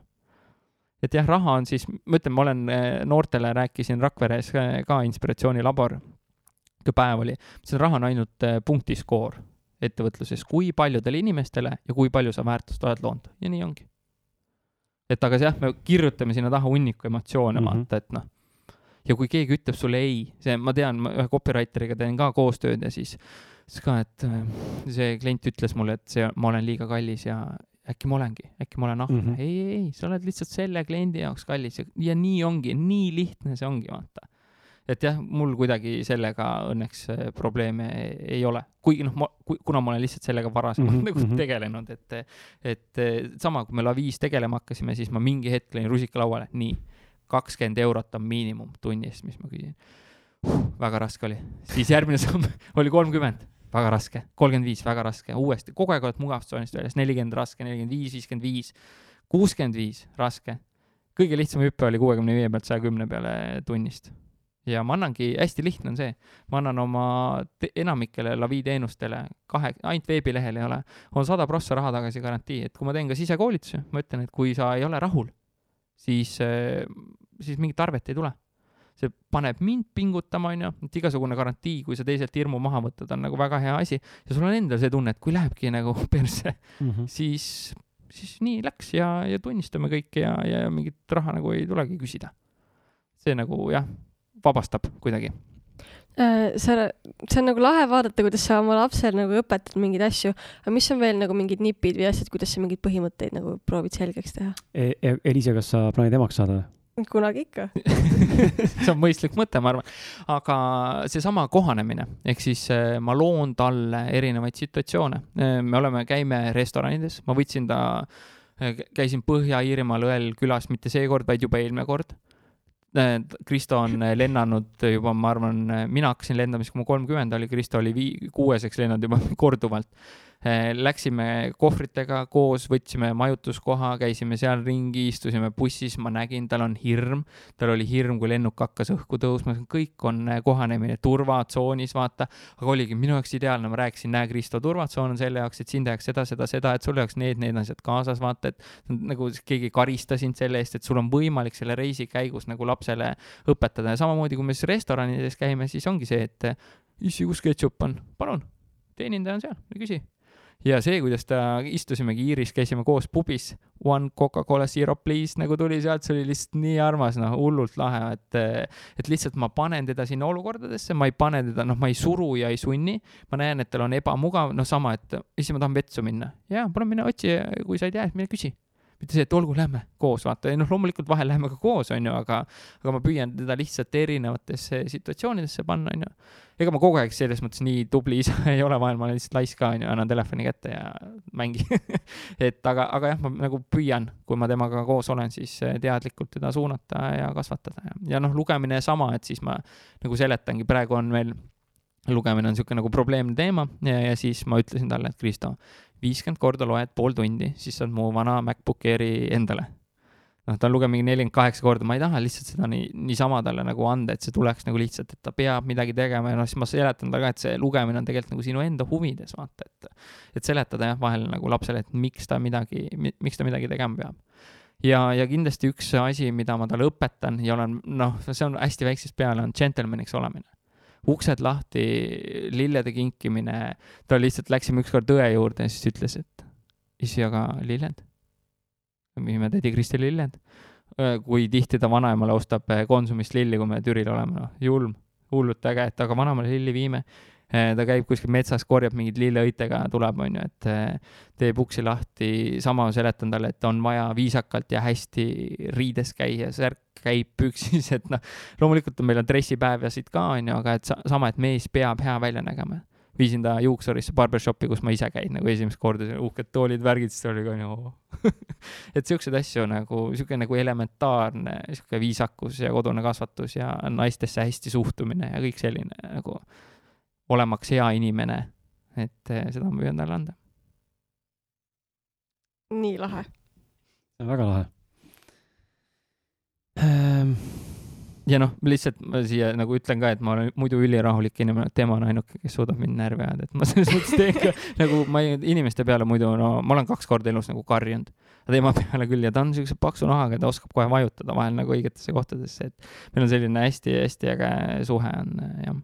tead, see on nagu huvitav, sa seda mainid, sest et äh, mul on tütar see ainukene inimene, kes suudab mind närvi ajada. tähendab, tema ise ei aja mind närvi, vaid, vaid tema nagu olemine trigerdab minus midagi, toob välja. mul on nagu sama, et mingid, mingid käitumised, kui sa, kui sa küsiksid, mis need kohe on, seega mul nagu ei oskagi öelda. tähendab, on, ta ajab mingit nagu siukest järjepidevat jonni, kuigi sellel enam ei ole mitte mingit põhjendust nagu. Et see nagu, et noh, mees muudame, siis nagu korra pilti vaata keera, siis ma ja üks asi veel, mis ma teen ja vahel see nagu on kindlasti võib-olla ka näp, olen endale näppu lõiganud, ma võtan teda kui võrdne võrdsega. mul ei ole kunagi kinnud, kännud ja nännud olnud, kui kahe poolena olime ja see elukaaslasega teda eraldi kasvatama hakkasin, ma võtsin teda kui mees mehena ja vahel ma olen kindlasti talle ülekohut selles mõttes teinud. sa saad aru, mees, ta on kuuene, sa ei saa, et ta mõtleb nii nagu sina, et noh, siis saad aru, okei okay,, ja, ja astume nüüd korra siit sammu tagasi, vaata, et, et jah, et noh, kes meist siis mingeid vigu ei teeks, vaata, et, et jah. et sa ennast kergemini tunneks, siis ma tegelikult äh, teen oma väiksema õega kohati sama asja, et ma proovin talle nagu mingeid põhimõtteid nagu kuidagi arusaadavaks teha või avardada mingit pilti, siis ma vahel nagu mõtlen, et kurat, et ma vist natuke olin liiga karm või et kuidagi, et, et, et ta ei peagi teadma nagu noorena või nagu väiksena siukseid asju nagu. just, et Et ma tuleb nagu- lasta see nagu laps olla. jah, et seda on vahel nagu kuidagi raske või noh, jah, sellega ma nagu, aga jah, see, ma Samastun. nagu ise mõõdan nagu meie suhet sellega, kui tiipe asju ta mulle räägib. Et eh, ja siin ma ei hakka podcast'i rääkima, ta võib-olla vihkaks mind pärast terve elu, kui, kui asju, milliseid ta nagu, mida ta rääkinud on, aga noh, sama kui me esimest korda seksist rääkisime, mul oli see, oh, okei okay,, need teemad on meil laua peal, vaata. ja, ja oligi, et noh, et isse, kas sa tead, kuidas lapsed tulevad ei tea, ei tea. ütlesin, et tean küll, et Nuku läheb tussusse, vaata ja siis ei, nii ei käi, mul on hammustasin juba huuldavalt, sa ei saa sel hetkel nagu naerda. Küsisin, kuidas käib, vaata, ma ei saa öelda sa hakkad naerma, vaata. siis ma luban, et ma ei hakka. aga kuidas, kuidas ta ja mida ta rääkis, siis eh, seda, seda ma siin podcast'is ei räägi. aga see oli võimalus võtta Youtube lahti ja näidata siis nagu on olemas videod, vaata. Ja mitte porri viisakad õppevideod on olemas ja, ja oligi, see tuli sellest, et mu noorem õde oli jäänud rasedaks ja siis hullult äge jälle, et võtsimegi Youtube'i lahti, kuidas laps kõhus areneb, mis need nagu sammud on. oo, nüüd ongi nagu sidrunikujuline Keidil on ju see Patrick seal kõhus, et nii äge, et noh, ongi, et see nagu see teemade kvaliteet ja sügavus, sellega ma hindan seda, kui palju ta siis mind äh, nagu usaldab ja mm, -hmm. ja kuidas me mhm. läbi saame, et. Äh, kui vana ta praegu on? kaheksa sihuke hea marakrati iga, koolist tullakse oluliselt pikema tiiruga koju ja just nad tulidki, et ma olin Rakveres ja siis tuli higisena koju ja ma küsisin, mis toimus. käisime maadlustrennis, mõtlesin, et noh, ta muidu käis jalkat mängimas. et sul polnud ju isegi neid riideid kaasas. ei, ei, aga me käisimegi, ma ütlesin super, tee asjad ära lihtsalt elus, kui sa tahad midagi teha, lihtsalt tee ära ja nagu noh, null mingit pahandamist, jumala, ma ütlesin jumala lahe, et oma käe peal, jumal tänatud, et ei küsinud mehed, ise teete, ise otsustate, et noh, ma annan talle hästi palju sellist otsustus nagu vabadust ise nagu teha. et vahel on seda hästi raske nagu vaadata, et kui ta oli sihuke kolmene, siis ma käisin mänguväljakul, ma näen, ta kohe kukub, ma näen. ja ma saan aru sellest, et ma ei tohi talt võtta seda nagu õppimist ära. laks näoga liivama ja ongi, ütledki ja noh, ma ei aidanud teda kunagi püsti, ma ütlesin, Kristo, tõuse püsti, noh, sama loomulikult, et sa ei tohi nagu, ma ei tea, väga hullult haiget saada, noh, siuksed väiksed kukkumised ja komistamised, et ja jaanipäeval ka olime sõbra juures ja sõitis ATV-ga, hull ATV fänn.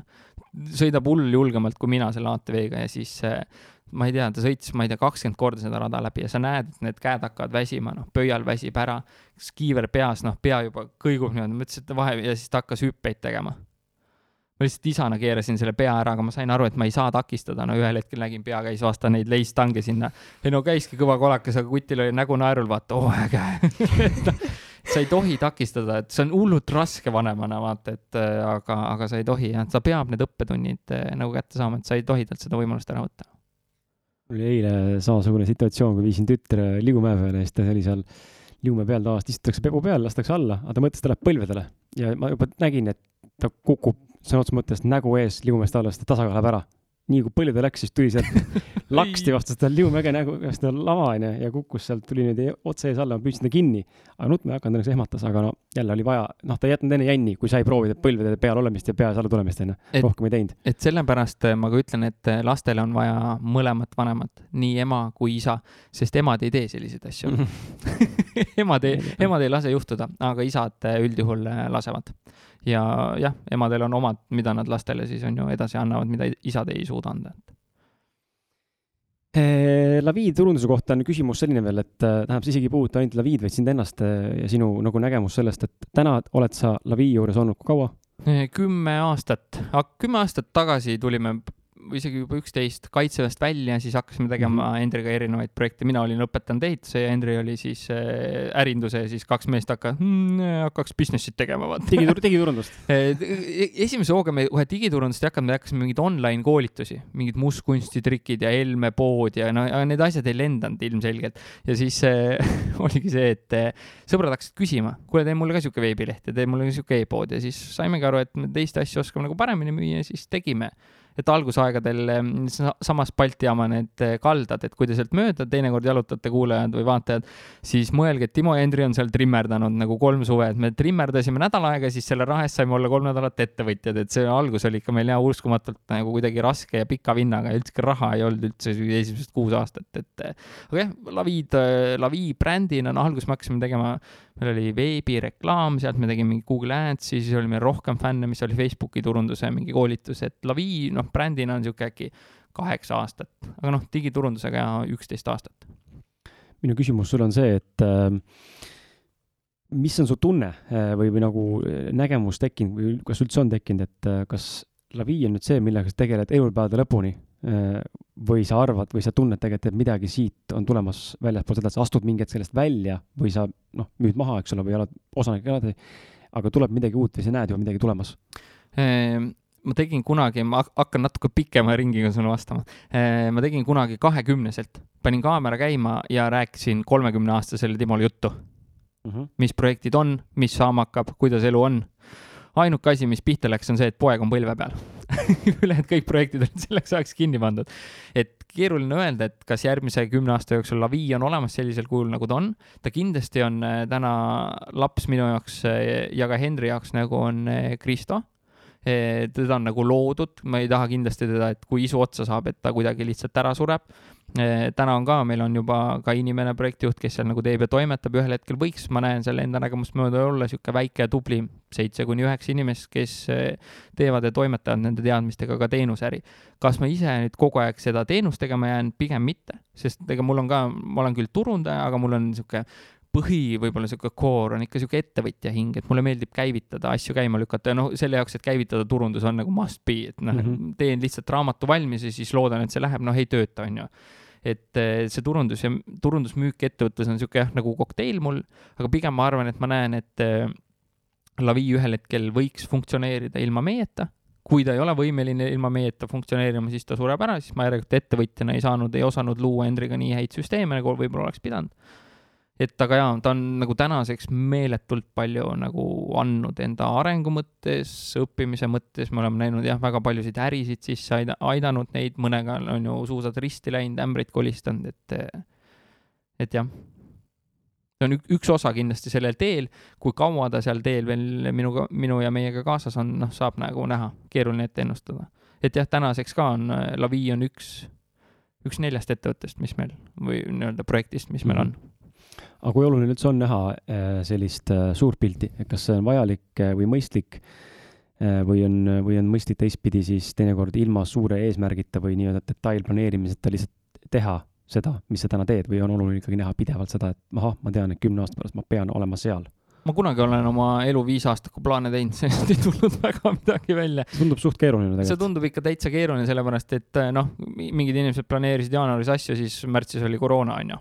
Et noh, proovime ühe korra veel planeerida. et eh, kindlasti tasub hoida mingit nagu sihti ja suunda silme ees, aga nagu kontrollida ja panna ainult selles suunas nagu või noh, et nüüd ma tegin siukse plaani ja kõik, mis on selle plaani kõrvalt, ei ole mõistlik, võib-olla seal kõrval on palju mõistlikumaid eh, nagu asju ja tegevusi, mida siis tegelikult eh, nagu teha, tegema peaks üldse, on ju et jah, ma pigem nagu näen, et kus ma tahan inimesena areneda, millist tüüpi ettevõtet tahan, millist elustiili ma endale tahan ja siis vastavalt sellele ka nagu liigun ja valin projekte ja ma ütlen, mingid projektid on tulnud nagu mitte kusagilt, lihtsalt üks näide. käisin kolm aastat tagasi esimest korda Vietnamis, seal on, elab minu teine poeg Karl Kangur, ma kutsun teda oma teiseks pojaks. ta kunagi oli Laviis praktikal, ma andsin talle kõik teadmised, mis meil vähegi olid. Ta oli hullult lahe tüüp on ja, ja siis ta pani Vietnamisse, kui ta oli kurat kaheksateist, üheksateist. Eesti kliima ei meeldinud ja hakkas siis seal ilma tegema ja siis, kui me esimest, esimest aastat seal Vietnamis olin siis eh, meil oli ka juba õllekogus oli ikkagi juba väga suureks läinud, noh, seal Vietnamis need õlled on lahjad ja väiksed purgid ka onju ja siis, eh, siis mul oli, lõi välja selline nagu, et eh, ma olen jube kehv isa, et Kristo on üksinda kodus ja no hakkasin talle soiguma, nutsin seal ikka noh, täispauk. ja siis Karl tõmbas mulle ka vasta nagu laba käega vasta neid, vasta pead. Ja ütles ka, mees, sa oled mulle rohkem isa kui minu enda isa, siis ma sain aru, et mul on tegelikult üks poeg veel, kellest ma pean hoolima, et ütles ka, et kui palju sa mind oled aidanud, kui suureks eeskujuks oled, et noh, vahel me mõjutame mingeid inimesi nii, et me ise ei tea. Ja ühesõnaga, siis, siis kui nutud olid nutetud, siis me ühel hetkel kaks nädalat hiljem olime muine ees, jõime jälle õlut. See oli üks väga õllene reis üldse. Ja, ja siis äh, me arutasime, Karlil oli sel hetkel üks agentuur Vietnamis kümne inimesega, kahekümne aastasel tüübil, noh, uskumatu, uskumatu inimene on ta, suure südamega ja väga paljude teadmistega.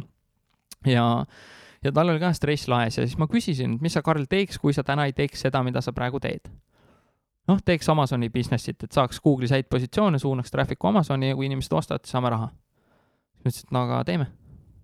ja tegime, teeme praegu siiamaani koos äri, et Pole jällegi, mingid projektid tekivad jumala randomly ja siis on see, et mul on mingi plaan, et ei, et noh, ma tegelen ainult laviiniga, võtta see teine asi kõrvale, kui palju see jälle arendab, kui palju see aitab laviisse nagu jälle teadmisi tuua, on ju, ja vastupidi, et et mingit suunda tasub hoida, teha seda, mis sulle nagu meeldib pingutada, on ju, ja siis vaadata, saad tagasisidet, mis töötab, mis mitte ja siis korrigeerid oma suunda, et seda kümne, kümneaastaku plaani mul ei ole, et mul ei ole välja valitud maja, kus ma elama hakkan, mul ei ole välja valitud naist, hundi, koera ja autot, on ju, et mul ei ole seda, et täna nagu kulgen, teen, mul on, pigem on niisugune nagu, ma isegi ütleks, ma ei tea, poole aasta plaan, aasta plaan, jah, sellega nagu toimetan ma mäletan, ma olin viisteist ja siis ma üritasin teha enda kümne aasta mhm. plaani, see oli maailma kõige raskem asi, mis ma proovisin nagu välja mõelda.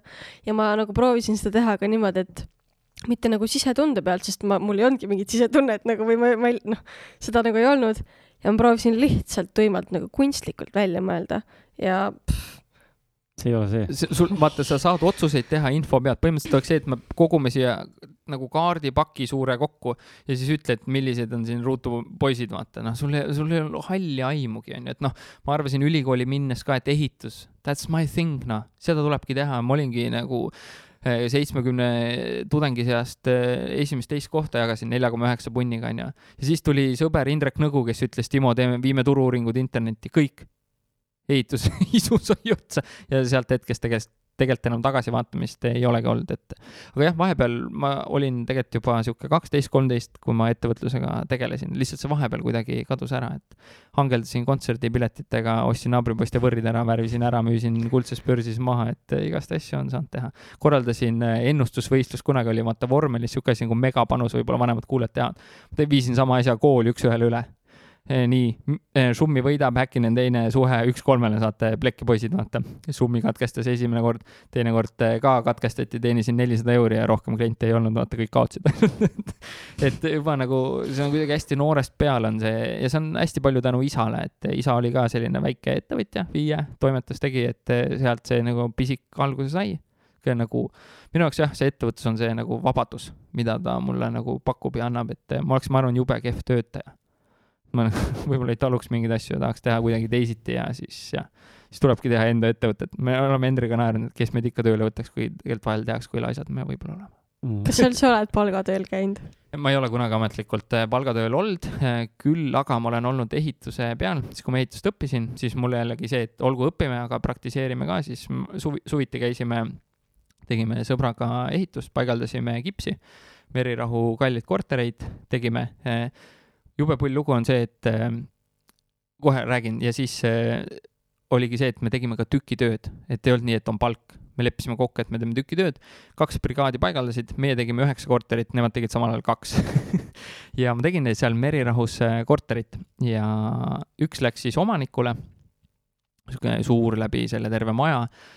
Ja ma mõtlesin, et ma tahaks siia kunagi tagasi tulla, et äh, lihtsalt oleks äge vaadata, mis siit saanud on ja siis ma Eduakadeemiast Kadri Kaljumets eh, ütlesin, et me ei ole nii kaua näinud. Kadri ütles, et mul on laps, et eh, tule külla, andis aadressi.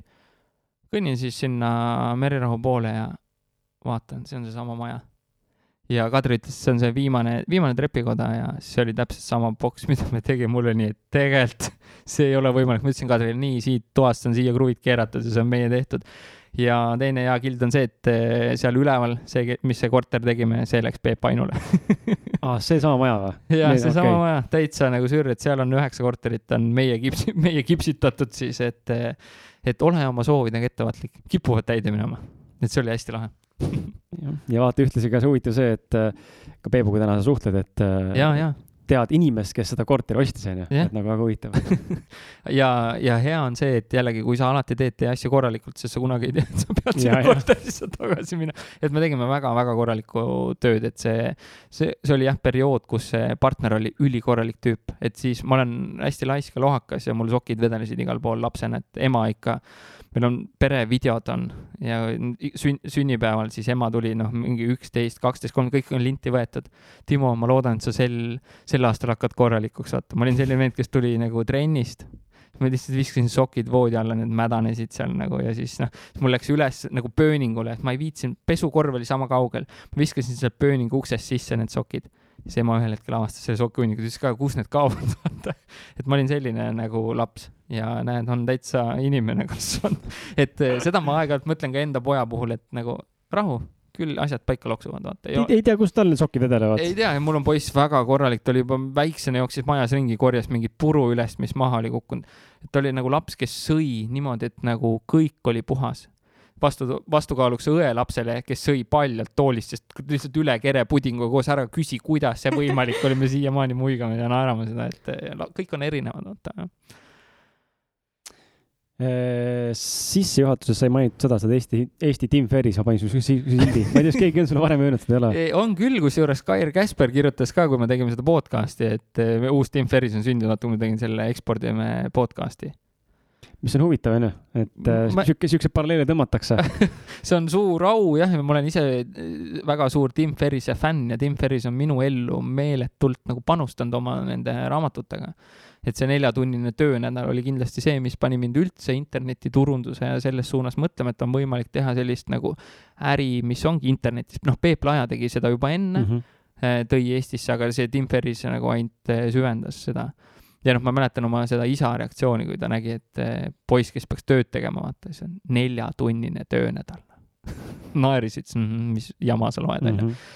ja siis jah, sealt järgmine oli see Four Hour Body et äh, ma otsustasin jah, mingi hetk, et äh, aitab see peegelpilt, mis vastu vaatab ja kaalunumber sada üks kilo, et see on nagu palju. see ei ole distsipliin, et üldiselt ma olen distsiplineeritud inimene, see ei ole distsipliin. Ja siis sõber äh, Andres kinkis selle raamatu mulle, lugesingi läbi nii, et vist oligi detsembri lõpus lugesin ja siis sihuke klišee, et jaanuarist hakkasin uue eluga pihta. Ostsin, vahetasin kõik oma need mingid toidud välja ja tol hetkel oligi siis, me elasime koos kolmekesi, ilus pere. Eh, poisil oli muna- ja piimallergia, tal oli oma menüü, eh, naisel oli oma menüü ja minul oli oma menüü, aga tahe oli lihtsalt nii suur ja noh, see hakkas tegelikult kiirelt, sihuke kolme-nelja kuuga oli ikka pilt juba nagu väga-väga hea. Siis inimesed küsisid, oo, mis sa teed, vaata, kuidas, kuidas läheb, komplimendid tulid, et eh, see ainult nagu drive'is ja, ja jah, et siis ma seda nagu ideaalset nagu mudelit otsisin nagu pikalt, pikalt jah mm. -hmm. aga jah, Tim Ferris on ka niisugune suur katsetaja, mulle nagu ka meeldib oma nahal nagu proovida, et noh, sõbrad sõbrad iga kord, kui me ütleme midagi tegema hakkan, siis nad nagu ohkavad, noh, et sama, et ma saan nagu six-pack'i, et issand jumal, ma saan ultrat jooksma, tule taha saappi, noh ma olen kuidagi võtnud seda kui nagu tihti komplimenti, vaata, et eh. Aga mu küsimus eh, tulebki siia Tim Ferrise juurde, et eh, et miks on, milline, et milline on olnud sinu kolmekümne viie eluaasta jooksul kõige suurem väljakutse, mille sa oled vastu võtnud ja, ja miks inimene võiks miks meie kuulaja võiks täna mõelda rohkem selle peale, et rohkem võtta väljakutseid vastu igapäevaselt? no kindlasti sellepärast võtta väljakutseid vastu, et need arendavad. Äh, ma arvan, noh, need arendavad sind inimesena lihtsalt nii palju paremaks, et iga väljakutse lükkab sind mugavustsoonist välja ja sa näed endas külgi, mida sa võib-olla kunagi, kunagi varem näinud ei ole. kõige suurem väljakutse vaimne või füüsiline või seda kuidagi peaks täpsustama no,. Äh, ma arvan, et tegelikult ütleme ettevõtlus see on hästi pikk jooks olnud väga-väga palju raskeid aegu on olnud, noh tõesti nii, et noh, ma enne rääkisin ka, et raha ei olnud. ma mäletan, kõndisin äh, Nõmme teel ringi, Nõmme tee ühikas elasin, olin just läinud äh, äh, abikaasast lahku, lahutanud ja siis mul oli kaks banaani ja mul oli kahe nädala toiduraha. ja mõtlesin, no fuck it, kust see tuleb, vanematelt ka nagu küsima ei lähe. ja tol ajal me tegime MTÜ õpilaste ettevõtjaks olime, tegime konverentse ja ega kõht tühi tühi kõht paneb eh, pea liikuma. ja siis ma müüsin reklaami Minorile ja Epsile, sest seal oli nende sihtgrupp ja sealt sai paari kuu toiduraha nagu kätte, et eh, need ajad jah, et hästi palju on tulnud teha ilma midagi saamata, üks projekt ei lähe, teine projekt ei lähe, need kahtlused endas, fuck, et noh, ma ei oskagi. ega tänaseni on selles mõttes, et iga uue asja turule toomine on nii, et ega kurat teab, kuidas see nagu lendab. et ma arvan, et jah, selles mõttes see ettevõtlus on olnud kõige suurem väljakutse ja ka kõige rohkem arendanud, et see on nagu never ever ei vahetaks seda mitte mille, mitte millegi vastu ja teeks seda iga kell nagu uuesti mind huvitab äh, väga, väga huvitab, jätsin selle meelega siia saate lõppu ka või nagu lõpupoole, et äh, see kuradi Robin Sharma kohtumine et minu, Robin on minu jaoks nagu üks, ma arvan, üks minu suurimaid mõjutajaid viimase nelja-viie aasta jooksul ja olen, mul, mul on siiamaani kirjas unistused kuskil, paberil kuskil kavas, et kohtuda temaga face to face. peaaegu õnnestus mul Saku Surulis teha seda novembris, lava ees istusin esimeses reas ja siis ma äh, nägin teda sealt ja suhtlesin temaga pärast Instagramis, saatsin talle pilte ja ja, ja, ja ma üritasin ka lava taha joosta salaja, kui ta seal lavalt maha läks. ja ma sain lava taha peaaegu, aga siis äh, mingi krample sisse, ma nägin, kuidas Sharma läks koos mingisuguse saatjaga trepist ülesse. väga hea, et sa seda ei teinud, Sharma on hästi pelglik selles mõttes ja. sellisel hetkel. ja siis ma tundsin, et tegelikult nagu tahaks täiega öelda, et Robin, kiire pilt, palun, aga siis ma tundsin, et kurat, midagi nagu segab. ja, ja, ja räägi, räägi sellest kogemusest, mida, mida, nimeta paar õppetundi või üks õppetund ähm, või taipamine, mille sa said siis äh, nii-öelda päeva Robin Sharma koos veetes ja autojuht äh, olemisest? jah, et see võib tunduda, vaata, autojuht on ju, see on nagu privaatne konsultatsioon selle mehega nagu koos, et eh, jah, eh, ma olen ülitänulik eh, Kadrile ja Rolandile ja Kaidole Edu Akadeemiast üldse, et nad selle asja tegid, et nad kutsusid mind punti ja et nad ütlesid, et ja Kadri ütles mulle, et Timo, kas sa tahaksid sellist asja teha? tead, Kris, mis ma vastasin esimesena? ei, sest kaks asja. mul inglise keeles endiselt ei ole, ei tunne nii kindlalt. ja teine asi, mulle ei meeldi tegelikult autoga sõita, siis et sõiduta Robin Sharmat valge tutika Lexusega, vaata. ei, kiire ei, vaata, et mille, mille pärast on vaja neid väljakutseid vastu võtta, aga Kadri on õnneks väga tark. Kadri ütles, et eh, Timo, kas sa päriselt ei taha teha või sa ei julge seda teha, noh, see on Tim Ferri selle punane nupp mm, -hmm. vaata, nii et davai, muidugi teen, noh. oi jumal, kus need põljed värisesid, onju, et eh, eelmine õhtu võtsin vastu ta siis eh, assistendi, sõidutasin ilusti hotelli ära enne seda sain kätte Lexuse, sõitsin teekonna Palassi hotell Saku Suurel korduvalt läbi, noh, ei taha pange, pange kuskil Õismäe ristil panna Sharmaga, vaata. oh, teeme siin vähe pikema, pikema tiiru, vaata, et kepsu ka sel hetkel on nagu imelik kasutada, see on nagu eestlane, et sa, sa tead, et sihuke tüüp tuleb, et sa valmistad ennast nagu maksimaalselt ette. nii palju, kui sa vähegi oskad selleks hetkeks. ja ja ma arvan, esimene õppetund oli see, kui siis oli, seisime selle assistendiga, siukene suur poiss oli see, hästi lahe tüüp ja.... see tumeda, kas ta sai koolituse, noh, laivis oli ka? ma mõtlesin turvamees tal. no põhimõtteliselt ongi. assistent turvamees. assistent turvamees ja endine jalgpallur ja ta toimetab siukeste internetiturunduse kurudega nagu Frank Kern ja jah, Sharma pileteid on nad eh, ka müünud ah,, ta küsiski, et kui ma tõin ta sealt, eh, ta lendas Poolast, lennuk jäi mingi neli tundi hiljaks, istusin Tallinna lennujaamas, ootasin teda, vabandas ka ette taha, ma ütlesin, noh, mis sa vabandad, et ega lennuk siia. ja siis sõites ka küsis, noh, palju teil müüdud on, on ju, kolm tuhat eh, piletit müüsime, kolm tuhat siis tuli partnerite kaudu ja siis äh, siis ka, oo, väga kõva, mis hinnaga müüsite? ma ütlesin, no sotiga kuti nagu vajas ära, no mis nagu, mis hinnaklassis te toimetate? ei no me müüsime siin eh, Robin Sharma pileteid, eh, mis, ma ei mäleta, mis number oli, kakssada, kolmsada tükki, neljakümne tuhande euroga tükk, vaata, et noh, siis ka, et nad tegid kõige suuremat eh, nagu numbreid üldse nende nagu piletitega ma sain aru, et nojah, me mängime liivakastis, vaata mm. -hmm. aga, ja siis oligi, siis läksime Robin Sharmale vastu ja see, ma tahtsin olla pärast Robiniga kohe esmast kohtumist parem inimene uskumatu nagu, ta on lihtsalt nagu noh, ta on niisugune nagu munk. valabki üle sind selle oma olemusega. täiesti, täiesti sürr, et see on nagu, ma ei ole, noh, olgu, ma olen kuulsuste fänn olnud küll, et ma olen rabanud, ma käisin kontserdil esiridadel, oli üks mu hobi käia ja mul on olnud ka Mansoni rätik, mis on käinud kaela alt munade vahelt ja läbi ja siis Timo Pikk käsi sirutas ja rabas selle endale, onju. ja viim-, viimase nokaka ma sain Limp Bizkiti kontserdilt Riias, enne kui kõik lockdown'i läks on olnud õnne seal. et see jah, kuidas ta nagu tuli, ma ütlesin, Robin, anna kohvrit, ma aitan. ei, rahu, rahu, kõik hästi. ja siis see, et nagu null, null stressi. kõik nagu sujus ja siis sa oledki autos ja siis, kuidas ta küsib ja see, kuidas ta nagu räägib sinuga ja noh, ülim selline nagu rahu aga ega see rahu selles mõttes, siis võib mõne loo rääkida siia juurde ka, mis sealt siis nagu saama hakkas, noh, kõik sujus, tegime need proovid, testid kõik ära, hotelli, noh, kõik, esimene päev jumala korralik, teine päev siis vaja sõidutada.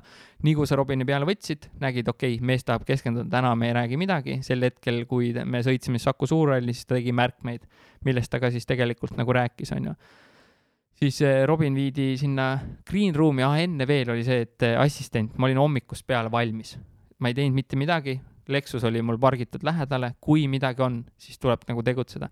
ja assistent ütles tund aega enne, kui ma ta Robiniga pidin peale võtma, Timo, mul on vaja ühte klikkerit veel. Fuck, nii, kust kiirelt saab, tõmbasin Kristiinesse, ostsin klikker ära, jooksin. ja ostsin ka ära juba patakad, ma teadsin, et need on vaja, ostsin igaks juhuks topeltpatakad, mõtlesin, et võib-olla ka olemasoleval klikil on tühjanud, see oli hea otsus, see oli hea otsus. ehk siis ma jooksin oma pintsaku ja lipsuga seal, viisin need kõik asjad ära, kõik sujus, viisime ilusti nagu Robini sinna ära ja siis oli veel, veel üks intsident, oli ebaselge, millal Robin läheb, tähendab, oli selge, millal Robin läheb lennukile, aga Robin ei tahtnud eh, jääda sinna Saku Suurhallina, hotelli tagasi.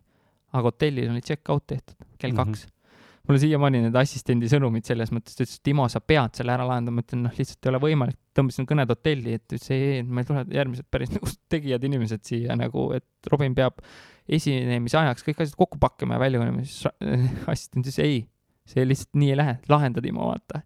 et see, et see hetk oli normaalne stress ja lahendasime, rääkisime, ma ütlesin ka hotelli, noh, võtke mind peajagu lühemaks või midagi, aga peab nii olema, et Robin saab asjad jätta ja ma toon Robini siia tagasi pärast ja nad, siis hotelli inimesed rääkisid siis eh, nende järgmiste külalistega ära ja kõik õnneks nagu lahenes selles suhtes, et läks hästi ja sealt edasi tegelikult kõik nagu sujus, sujus hästi kenasti, aga oligi näha, et noh, millise professionaalsusega neid asju tehakse.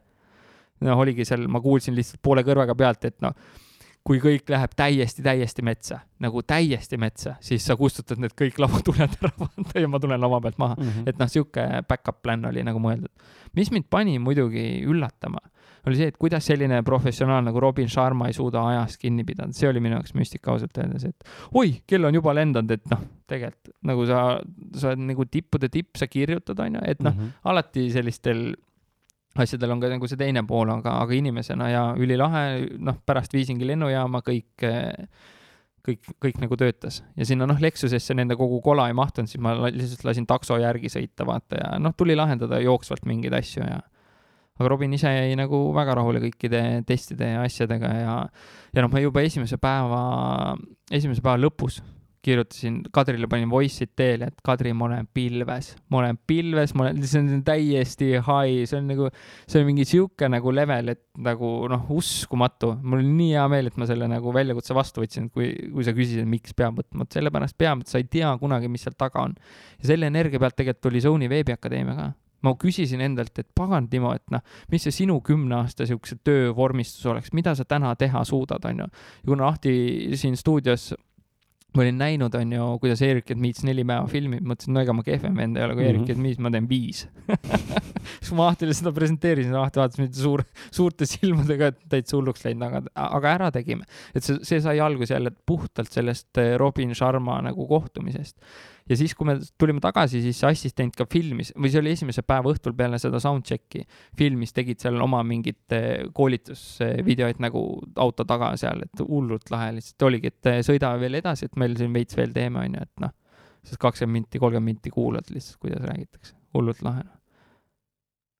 See oli, see oli vau jah, et mul, ma ei olnud kunagi, ma ei olnud kunagi tellinud seda universumit Mhm. mm, -hmm. Sharmaga kohtuda ja noh, siis oligi see, et ma ütlesin ka, et ma ei saanud temaga pilti, sest oligi assistent seal jäi midagi toimetama ja siis ta ühel hetkel nagu helistas mulle, kus on Robin, kus on Robin, Timo, ma ütlesin, et me oleme nagu Saku teisel pool otsas. Kiirelt siia, tõmbas ikka korra jälle stressilakke, et jäi Robiniga pilt tegemata, ma ei tihanud küsida ka seda lennujaamas näiteks, aga ma küsisin, küsisin autogrammi küll ja küsisin selle saja üheteistkümnenda lehe peale, see sada üksteist, mis mul jooksukilomeetrid olid, see kuidagi tundus nagu selline, tundus lahe. Ja siis jah, oli võimalik enne, kui ta lennuki peal istus seal hotellis veel, istusime nii nagu me praegu istume vastamisi, rääkisime, siis ma ütlesin ka, et hullult lahe noh, hullult lahe. Ja see, kuidas ta suhtles hotelli töötajate kõigega, et eh, siis ma nägin, kui palju parem inimene saaks tegelikult ise olla, noh. et seal jah, polnud seda nagu ego poolt nii palju või noh, vähemalt ta ei näidanud välja, onju, sihuke munk, rahulik, onju, väga chill. kas sa tahad äh, küsida midagi vahepeal või? mul muidu Mm. on äh, viimane kohustuslik küsimus nii-öelda. küsi. Lähme natukene äh, saate lõppu süngemate teemade juurde ja siis on mul ka üllatusküsimused, mis on jälle positiivsemad. sinu aga- saade, rannige. aga et sina ütlesid mulle selle lause kunagi, ela nii, nagu su isa oleks surnud. ja see pani mind mõtlema. See on suhteliselt äh, sünge äh, lause ja mõte ja sügav äh, ja Eliise küsis mu käest ka, kuidas mina seda mõistan või, või mis iganes see küsimus eile täpsemalt oli meil Messengeris, kui ma seda jagasin talle neid küsimusi. et miks on niimoodi, et isadel on poegadega ja poegadel isadega mingid teemad ja emadel tütardega ja siis vastupidi ka, et noh, tihtipeale on mingisugune selline dünaamika seal taustal, et et kust tekivad sellised äh, nagu pinged isa ja poja vahel näiteks nagu noh, ma olen enda, enda suhet isaga rääkinud siin podcast'is päris palju, täna ma sellest siin eraldi rääkima ei hakka, aga point jääb selle ümber ikkagi, kust, kust, kust need pinged tulevad ja miks me tahame nii väga seda isa kiitust ja aktsepteerimist ja kuidas on see sind sinu elus nagu juhtinud ja mõjutanud ja ja kust sa üldse niisuguse mõtte peale tulid? ja hästi hea tiip küsimus, tegelikult siin hästi palju nurki, ma püüaks kuskilt kuskilt otsast sellega minema hakata, ma arvan, et isa-poja vahel ei pea üldse esiteks pingeid olema. ma olen enda poega kasvatades püüdnud seda kõike vältida, mida võib-olla minu ja minu isa vahel oli ühel hetkel. et lapsepõlves oli meil kõik tegelikult nagu väga-väga hästi. et eh, see lihtsalt hakkas ühel hetkel, eh, ühel hetkel peale ja, ja kerima, kui ta hakkas asju korraldama ja kui sa hakkasid iseseisvalt mõtlema? ja kui ma hakkasin iseseisvalt mõtlema, selleks oli minu viieteistkümnes sünnipäev, kui ma sain täiskasvanuks. et. Eh, oota, mis see tähendab? see, see, eh, jaa, muidugi, räägi, eh, me oleme ausad mehed podca-, podcast'is, räägime ära.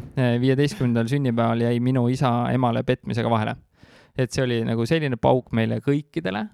isast ei oleks osanud seda varem oodata. ja sealt hakkas siis tegelikult kerima kogu sitt järgmised viisteist aastat kokku-lahku elamised, eh, väga palju alkoholi ja aga see oli nagu, ma olen isale hullult tänulik, loomulikult ma olen teda selle eest ka väga palju vihanud. Eh, aga sealt tekkisid võib-olla need suhtesse pinged. aga sealt ma sain aru, et eh, aeg on suureks saada, aeg on ise vastutada, sa ei saa mitte kellegi peale loota. et see oli selline nagu, selline hea sünnipäevakink oli päeva lõpuks nagu, et see, see kasvatas hästi palju, see pani hindama igat hetke. sest noh, isa käiski kahe naise vahet ja siis eh, need olid head päevad, kui ta oli jälle kodus. ja siis ta läks, et hästi-hästi raske oli minna järgmine päev kooli ja teha nägu, et kõik on okei okay,, kuigi maailm oli tegelikult sel hetkel kokku kukkunud. aga õnneks mul, vaata seesama ma olen tagantjärgi mõtestanud ja mulle öeldi ka, et aga Timo, sul vedas, sul on väga ilus lapsepõlv olnud ja mul tõesti oli sinna viieteistaastaseni.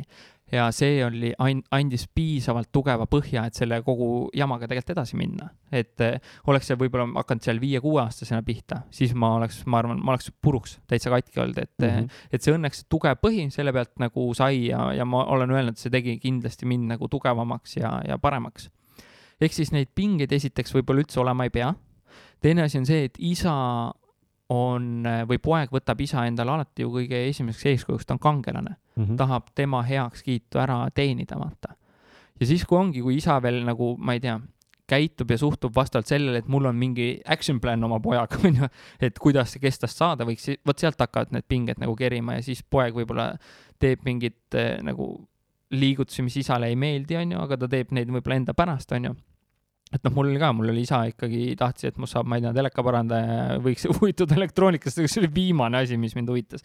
ja noh, et kuidas ja kus ma elada võiks ja milline mu peremudel olla võiks ja maal peaks lambaid kasvatama ja nii edasi, et noh, need olid isa unistused mm. -hmm. Need ei olnud minu unistused, vaata, sealt see nagu pinge keris ja siis, siis ma olingi isa jaoks, noh, ma ei tea, tegeled ettevõtlusega ja noh, mingi, mingi nagu lambikas, vaata ja, ja see vabadus tuli sellest samast äh, fraasist, ela nii nagu isa surnud oleks. mul lõi nagu pildi nii klaariks, mõtlesin, et uskumatu, no uskumatu, kuidas sihuke targad laused olid ja see oli kirjutanud äh, raamatusse, mida iga mees lugema peaks, see on Tõelise mehe tee. David Teida vist on mm -hmm. selle autor ja siin nagu ma lugesin seda raamatut, ma sain aru oh issand, milline partner ma olin suhtes, suhtes varem olnud oma eh, elukaaslasele või siis ka abikaasale, on ju, et noh, jumalast mööda, et see õpetab naisi mõistma, see õpetab ennast mõistma, see õpetab mõistma dünaamikat, seda suhet eh, su enda, enda nagu isaga. Ja, aga noh, kindlasti ma olen teinud mingeid asju, et tema nagu heakskiitu ära teenida ja ma kindlasti olen kasutanud seda viha mingite asjadel, noh, kui ongi raske olnud, et fuck, ma näitan, onju et mm -hmm. seda kindlasti on olnud ja ma arvan, et see ei ole üdini halb olnud.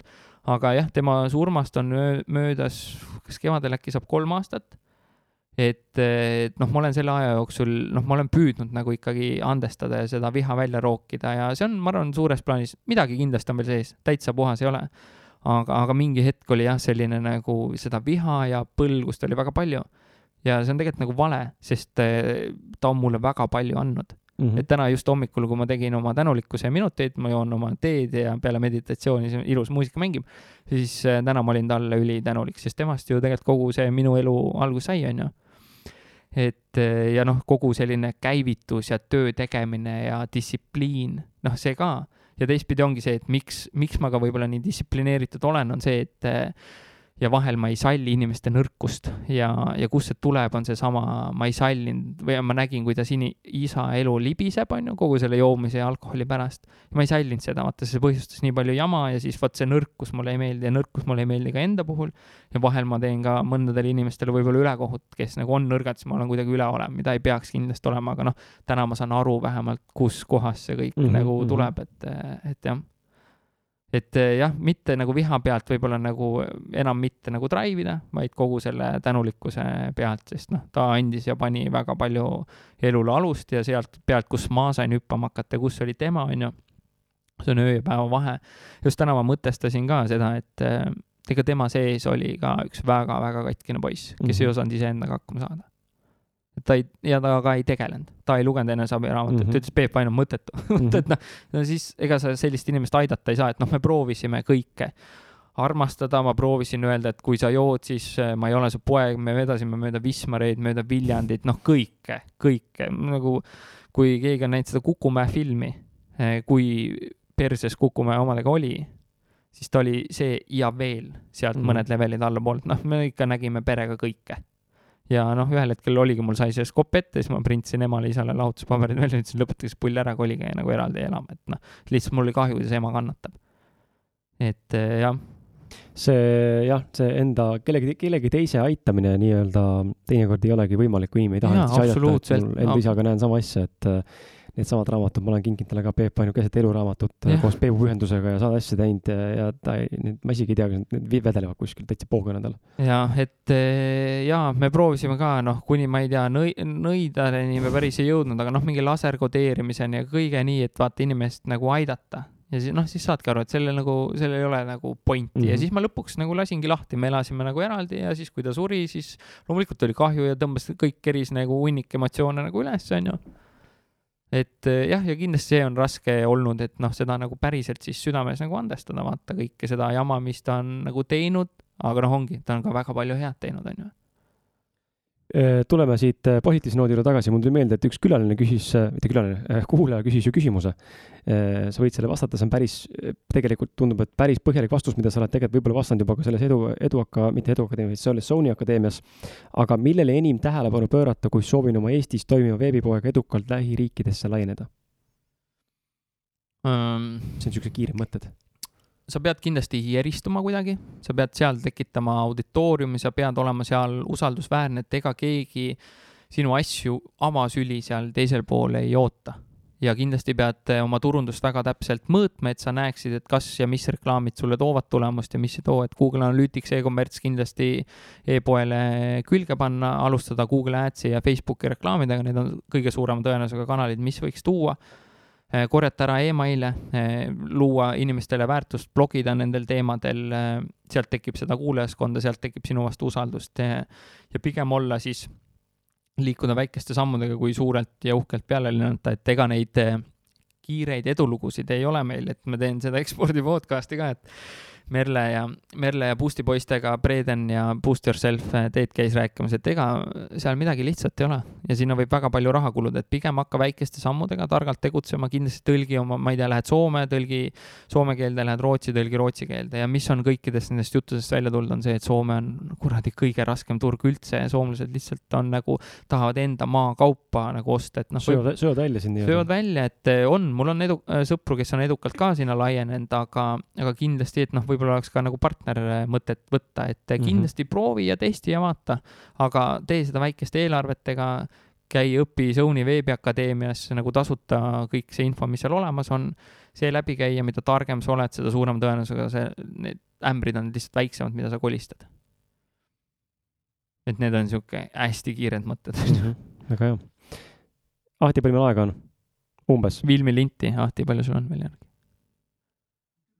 Okei okay,, võtame üks-kaks kiiret küsimust ja selleks on mul sihuke koostööpartner, äh, ausad meeste pod-, podcast'i koostööpartner, Eluplaan kaardimängud, olete kuulnud? olen küll, mul on täpselt samasugune pakk, mida ma kunagi avanud ei ole, ma ostsin kuskil lennujaamast, aga siis me no, ei, ei, ei läinudki vaja seda, väga lahe. ma mõtlesin sulle täna kinkida need, aga siis me ei kingi sulle, kui juba olemas on see mul on olemas, jah.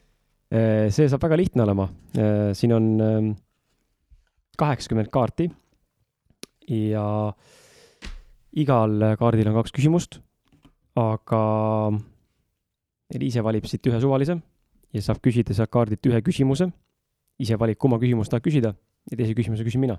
väga hea. niisuguse spontaanse lõpu teeme siia. nii, nii juhtugu, nagu elu, elu ongi spontaanne tegelikult, et see, see on võlu. võin küsida? anna minna. mis on sinu retsept südamevalust ülesaamiseks?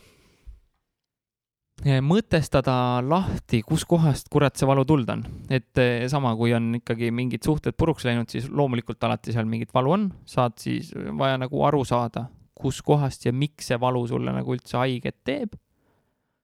ja sport aitab ka väga hästi, väga hästi lahustub jooksmine, et eh, tihti need mõtted ja tunded hakkavad lahustuma peale kümmet kilomeetrit, et esimese kümnega veel ketrab, aga peale seda, et selles mõttes see nagu see ultrajooksmine, ma enam siukseid otsi ei tee, aga sihuke kõik, mis on üle kümne, ma vahepeal teen siukest kahekümnekat ja kahekümne viiekat rahulikku, et et seal on see, et sa lihtsalt kulged. see on nagu sürrilt äge. et aga jah, pigem nagu alati mitte selle eest nagu põgeneda, vaid siis nagu mõelda, mille kuradi pärast see asi mulle siis nagu haiget teeb, et noh isaga suhtes sama, on ju, et noh, mille pärast tema, tema nagu tegemised haiget teevad, aga oligi sel hetkel oli see, et noh, mul kadus ära igasugune kindlustunne näiteks, on ju, mulle ei meeldinud see, mis ta emale tegi, mida ta tegi õdedele, on ju, et, et, et noh, siis sa saad aru, kus see nagu su viha ketrab ja tuleb, et no kui sa sellest aru saad, siis saad selle nagu, ma ei tea, sellega rahu lihtsalt teha, ega seal muud, muud ei ole minu jaoks kas äh, äkki on sul järgmine target on jooksmise mõttes minna Joel Juhiga polaarmaratonile uuesti? ma kuulasin äh, teie saadet temaga ta on täitsa. Joel on nagu sina veits, sihuke samamoodi segane vend täitsa, et äh, läheb, võtab ette asju lihtsalt. tead, ta on tõesti segane ja müts maha tema eest, see, mis ta teinud on. ma arvasin ise mingi hetk, et ma olen samasugune et ma olen samasugune, sest ma vaatasin ka Maraton de Sablest kõrbes joosta, varbad verised, oo, inimesed oksendavad, üks tuhandest sureb ikka tavaliselt ära, kõva teeme, vaata. ja tead, eh, selle ajaga, kui ma selle oma sada ära tegin, siis mul oli tegelikult eesmärk sada miili, mis on sada kuuskümmend kilomeetrit, et noh, sada on poisike, sada on niisugune mesikäpa jooks. Et aga tegelikult oli see, et ma jõudsin lõpuks sinnamaani, et ma hakkasin oma keha armastama, et sellised pikad jooksud on lõhkumine, et mul mhm. oli ka niisugune põhimõte, et vaim üle keha, et ma suudan oma keha lõhkuda. ja minu jaoks oli selge see hetk eh, Heavy Metal Ultra. Heavy Metal Ultra on niisugune jooks, kus on eh, kuue koma kuue kilomeetrine ring, iga täistund antakse start. Ja seda jookstakse, tunniga rahulikult jooksed selle ringi ära, iga täistund start, kui sa jõuad sinna starti, siis saad järgmisele ringile minna. Ja jookstakse nii kaua, kuni jääb järgi üks mees. Mm.. seda Eestis ma seda joosti äkki ma võin eksida, seda joosti kindlasti üle ööpäeva. Olle Rõuk annab mulle peksa, et ma seda numbrit praegu täpselt tean, see võis mingi kolmkümmend ringi, nelikümmend ringi, noh, karmilt, karmilt. ja ma käisin seda jooksmas. ja ma tulin maha neljakümne seitsmenda kilomeetri pealt, seitse ringi, mhm. kaheksa mm -hmm. ringi, midagi siukest ja ma sain aru, ma ei taha oma keha enam piinata mm. -hmm. oli, kell oli neli öösel, selleks hetkeks mul oli väga okei tunne, kõik väga mõnus joosta, jooksin Briti sõduritest äh, mööda ja nii edasi, tore nagu. ja siis saad aru, et ma ei taha siit enam läbi push ida, mul ei ole vaja. Ja siis ma võtsin challenge'i mitte vastu võtta uusi challenge eid, on ju, et noh, see oli just seda, mis nagu keha lõhuvad, et ma tõesti täna nagu armastan oma keha ma jooksen mõnuga, ma teen nagu kümnekildiseid otsi. Kolm korda nädalas, teen jõusaalis põhisuured lihasgrupid läbi, jõutõmme, kükk. Ja asi, mida ma tahan veel panna, mis, mida, mille järgi mu keha karjub, on jooga või kõik mõned mehed mõtlevad, issand, mis on. ma ühe korra käisin proovimas, jeerum kui hea see on, mul on sihuke puujalg ja nagu absoluutselt ei paindu, et see poolteist tundi rahulikku venitamist ma iial ei viitsi teha, ma ei viitsinud nagu joos-, jooksmise minu ainus mott venitada oli see, et ma saaks joosta ilma vigastuseta, et ei tekiks mm -hmm. mingit jama, onju. ainult sellepärast ma viitsin, ma ei viitsi üldse venitada. ja siis seal joogaruumis koos kõikide teistega poolteist tundi läks väga nagu kiirelt, et kehal seda venitamist on vaja. et mu eesmärk on täna see, et ma spordiks nagu saja kolmekümne viieseni rahulikult välja selle kehaga, et ei ole vaja seda lammutada, lõhkuda, et see tuli hästi sellest nagu ego pealt, onju, kindlasti, et mu sõbrad vaatavad, oh, täiega tegija jookseb nii palju mingi viha pealt tõestada endale, teistele ja lihtsalt ka nagu oo, põnev, et äh, ma suudan, vaata. et äh, see jah, tuli, tuli ja hakkas nagu sealt pihta. enam ma seda ei viitsi teha. ma kunagi käisin joogas äh, peaaegu pool aastat ja, ja mulle väga meeldis, hästi mõnus, teistsugune. jah ehm, minu viimane küsimus sulle, see on väga kiire vastus ka. millised kolm sõna oleksid sinu hauakivil? Ma arvan, et selle võiksid teised kirjutada, mitte mina. väga hea. ega ongi kõik, Timo? tõmbame otsa kokku, palju meil lahti umbkaudselt sellest, loodan ligi kaks tundi pluss või alla-miinus natukene. sihuke täiesti tavaline podcast'i pikkus ju meil, et ähm, aitäh, hullult lahe oli noh, hullult lahe. sulle hea mõnus kergendus, nagu sa ütlesid ka, et seekord mitte ise küsida, vaid jaa, jumala, jumala mõnus lihtsalt nagu lobiseda, vaata. Ja kuidagi nii hea, nii hea energiaga ja väga mõnus minek, noh. väga hea. no lood-, aga jällegi, noh, see on see, mis me ütleme, see, vaata, mis kuulajad räägivad. jaa, absoluutselt, jah. see on nende jaoks tehtud saade. kus me sind leida võime? mind võib leida Maraton stuudiost see on väga on point nagu ma elan siin peaaegu, aga tegelikult eh, mind võib leida Facebookist, siis mind võib leida nüüd, ma tegin täna Instagrami postituse Oh. esimese üle, kui keegi mõtleb lihtsalt turundaja, vaata, Tiktokid ja asjad kõik peavad olema, siis eh, ma tegelikult eh, esimese Vietnami reisi aeg lugesin niisugust raamatut nagu Deep Work, tegin eh, kolmkümmend päeva sotsmeedia paastu ja siis tegin sellest kaks aastat sotsmeedia paastu mm. -hmm. aga täna selle jaoks, et jõuda rohkemate inimesteni, jagada seda, mis, mida on üksjagu võib-olla kogenenud ja mida tahaks äh, jagada, siis, siis on, ma olen tagasi nii-öelda sotsmeedias, ma küll ei rulli seda feed'i, ma olen feed'i peitu pannud, näiteks äh, Google Chrome'il on niisugune plugin nagu Facebook Newsfeed Kill või midagi niisugust mm. -hmm. mul ei ole seda newsfeed'i, aga ma nagu postitan, chat in, Instast võib leida enne võis leida mind kaldkriips Porval, nüüd on sinna üks India noorhärra pannud püsti, Adesh Porval on mu vend, tundub Indias. On pannud sinna oma konto püsti, aga timo.porval on Instagramis olemas, Facebookis olen olemas, LinkedInis olen olemas kõikide oma selle täisnimega. olge ettevaatlikud, mul on nimekaim ka. Por. Porval on ülivähe levinud nimi ja siis ikka mingid vanemad on pannud samasugused eesnimed, suht sama vana vend on Timo Porval elab, elas ka siis mingi hetk Paides ja Tapal ehk siis ka kogu samas kandis. et aga jah, kui te guugeldate, siis noh, internetiturundajana ma tulen ikkagi enne välja ja olge, olge palun, ma ise panen ka käe südamele, olge palun veendunud, kellega te kontakti võtate, sest mul on ka nimekaim täpselt samasugune Kris Kala, kes tegeleb automüügiga kuskilt ja mulle kirjutatakse pidevalt, et kuule, sul see seeria BM on alles või? Sorry, who the fuck nagu vaata profiili. et sa avad selle, mul on see pilt. ei no aga teinekord ütlegi, on, on, on, alles. on alles. tule, tule Tallinnast Nõm, Nõmme teele et jaa, vaadake, kelle konto te avate, et äh, ärge kirjutage siis valele Timole. Jah, ja kui keegi tahab turundust õppida, siis täiesti tasuta on ju Zone'i veebiakadeemia, zone.ee kaldkriips akadeemia on nagu super koht, ma arvan, kus, kust alustada. väga hea, kõik need liit-, viited leiate samuti saadete kirjeldusest üles või siis Facebooki vastava saate postitusest jah. mina tahaks veel siia lõppu öelda, et Timo, et sa oled ülilahe ja see on Aitäh. nagu ülilahe on nagu see, et või noh, ma nagu ootan seda, et kui sa oled stuudios, siis nagu, et ongi, et seal on alati täiega siuke nagu positiivne vibe ja nagu nii lahe ja siis alati sa räägid nii tarka juttu, siis ma mingi silmad päran, lihtsalt mingi kuulan ja vaatan ja see on nagu nii lahe. kas sa üldse eile ei mäleta, kuidas ma ropendasin siin stuudios olles jumala väsinud või? jah, ma, ei no, ma ei mäleta tegelikult või noh, selline asi ei jää, vaata, aga muidu, et jah, et nagu nii lahe ja et sul on nagu nii hea süda ja see on nagu mega lahe. aitäh sulle nende sõnade eest, püüan, püüan kogu aeg areneda paremaks oma südant ka, et see jah, oleks, oleks puhas ja hea. vot. ja mina tänan sind omalt poolt, hea kuulaja, et vastu pidasid need peaaegu kaks tundi ja, ja nagu ikka, tee minule ja Elisele ja Timole üks lisaväike teene, jaga seda podcast'i, kui see pakkus sulle väärtust ja pani sind mõtlema ja meeldis sulle, jaga seda vähemalt ühe sõbraga, ehk siis too meile üks uus kuulaja, üks uus kõrvapaar. Niimoodi jõuame meie enda podcast'i sisuga ja, ja külalised samuti enda mm, sisu ja mõtetega siis äh, rohkemate kuulajateni. ja egas midagi, sinuga kohtume juba järgmises episoodis äh,. tšau. tšau.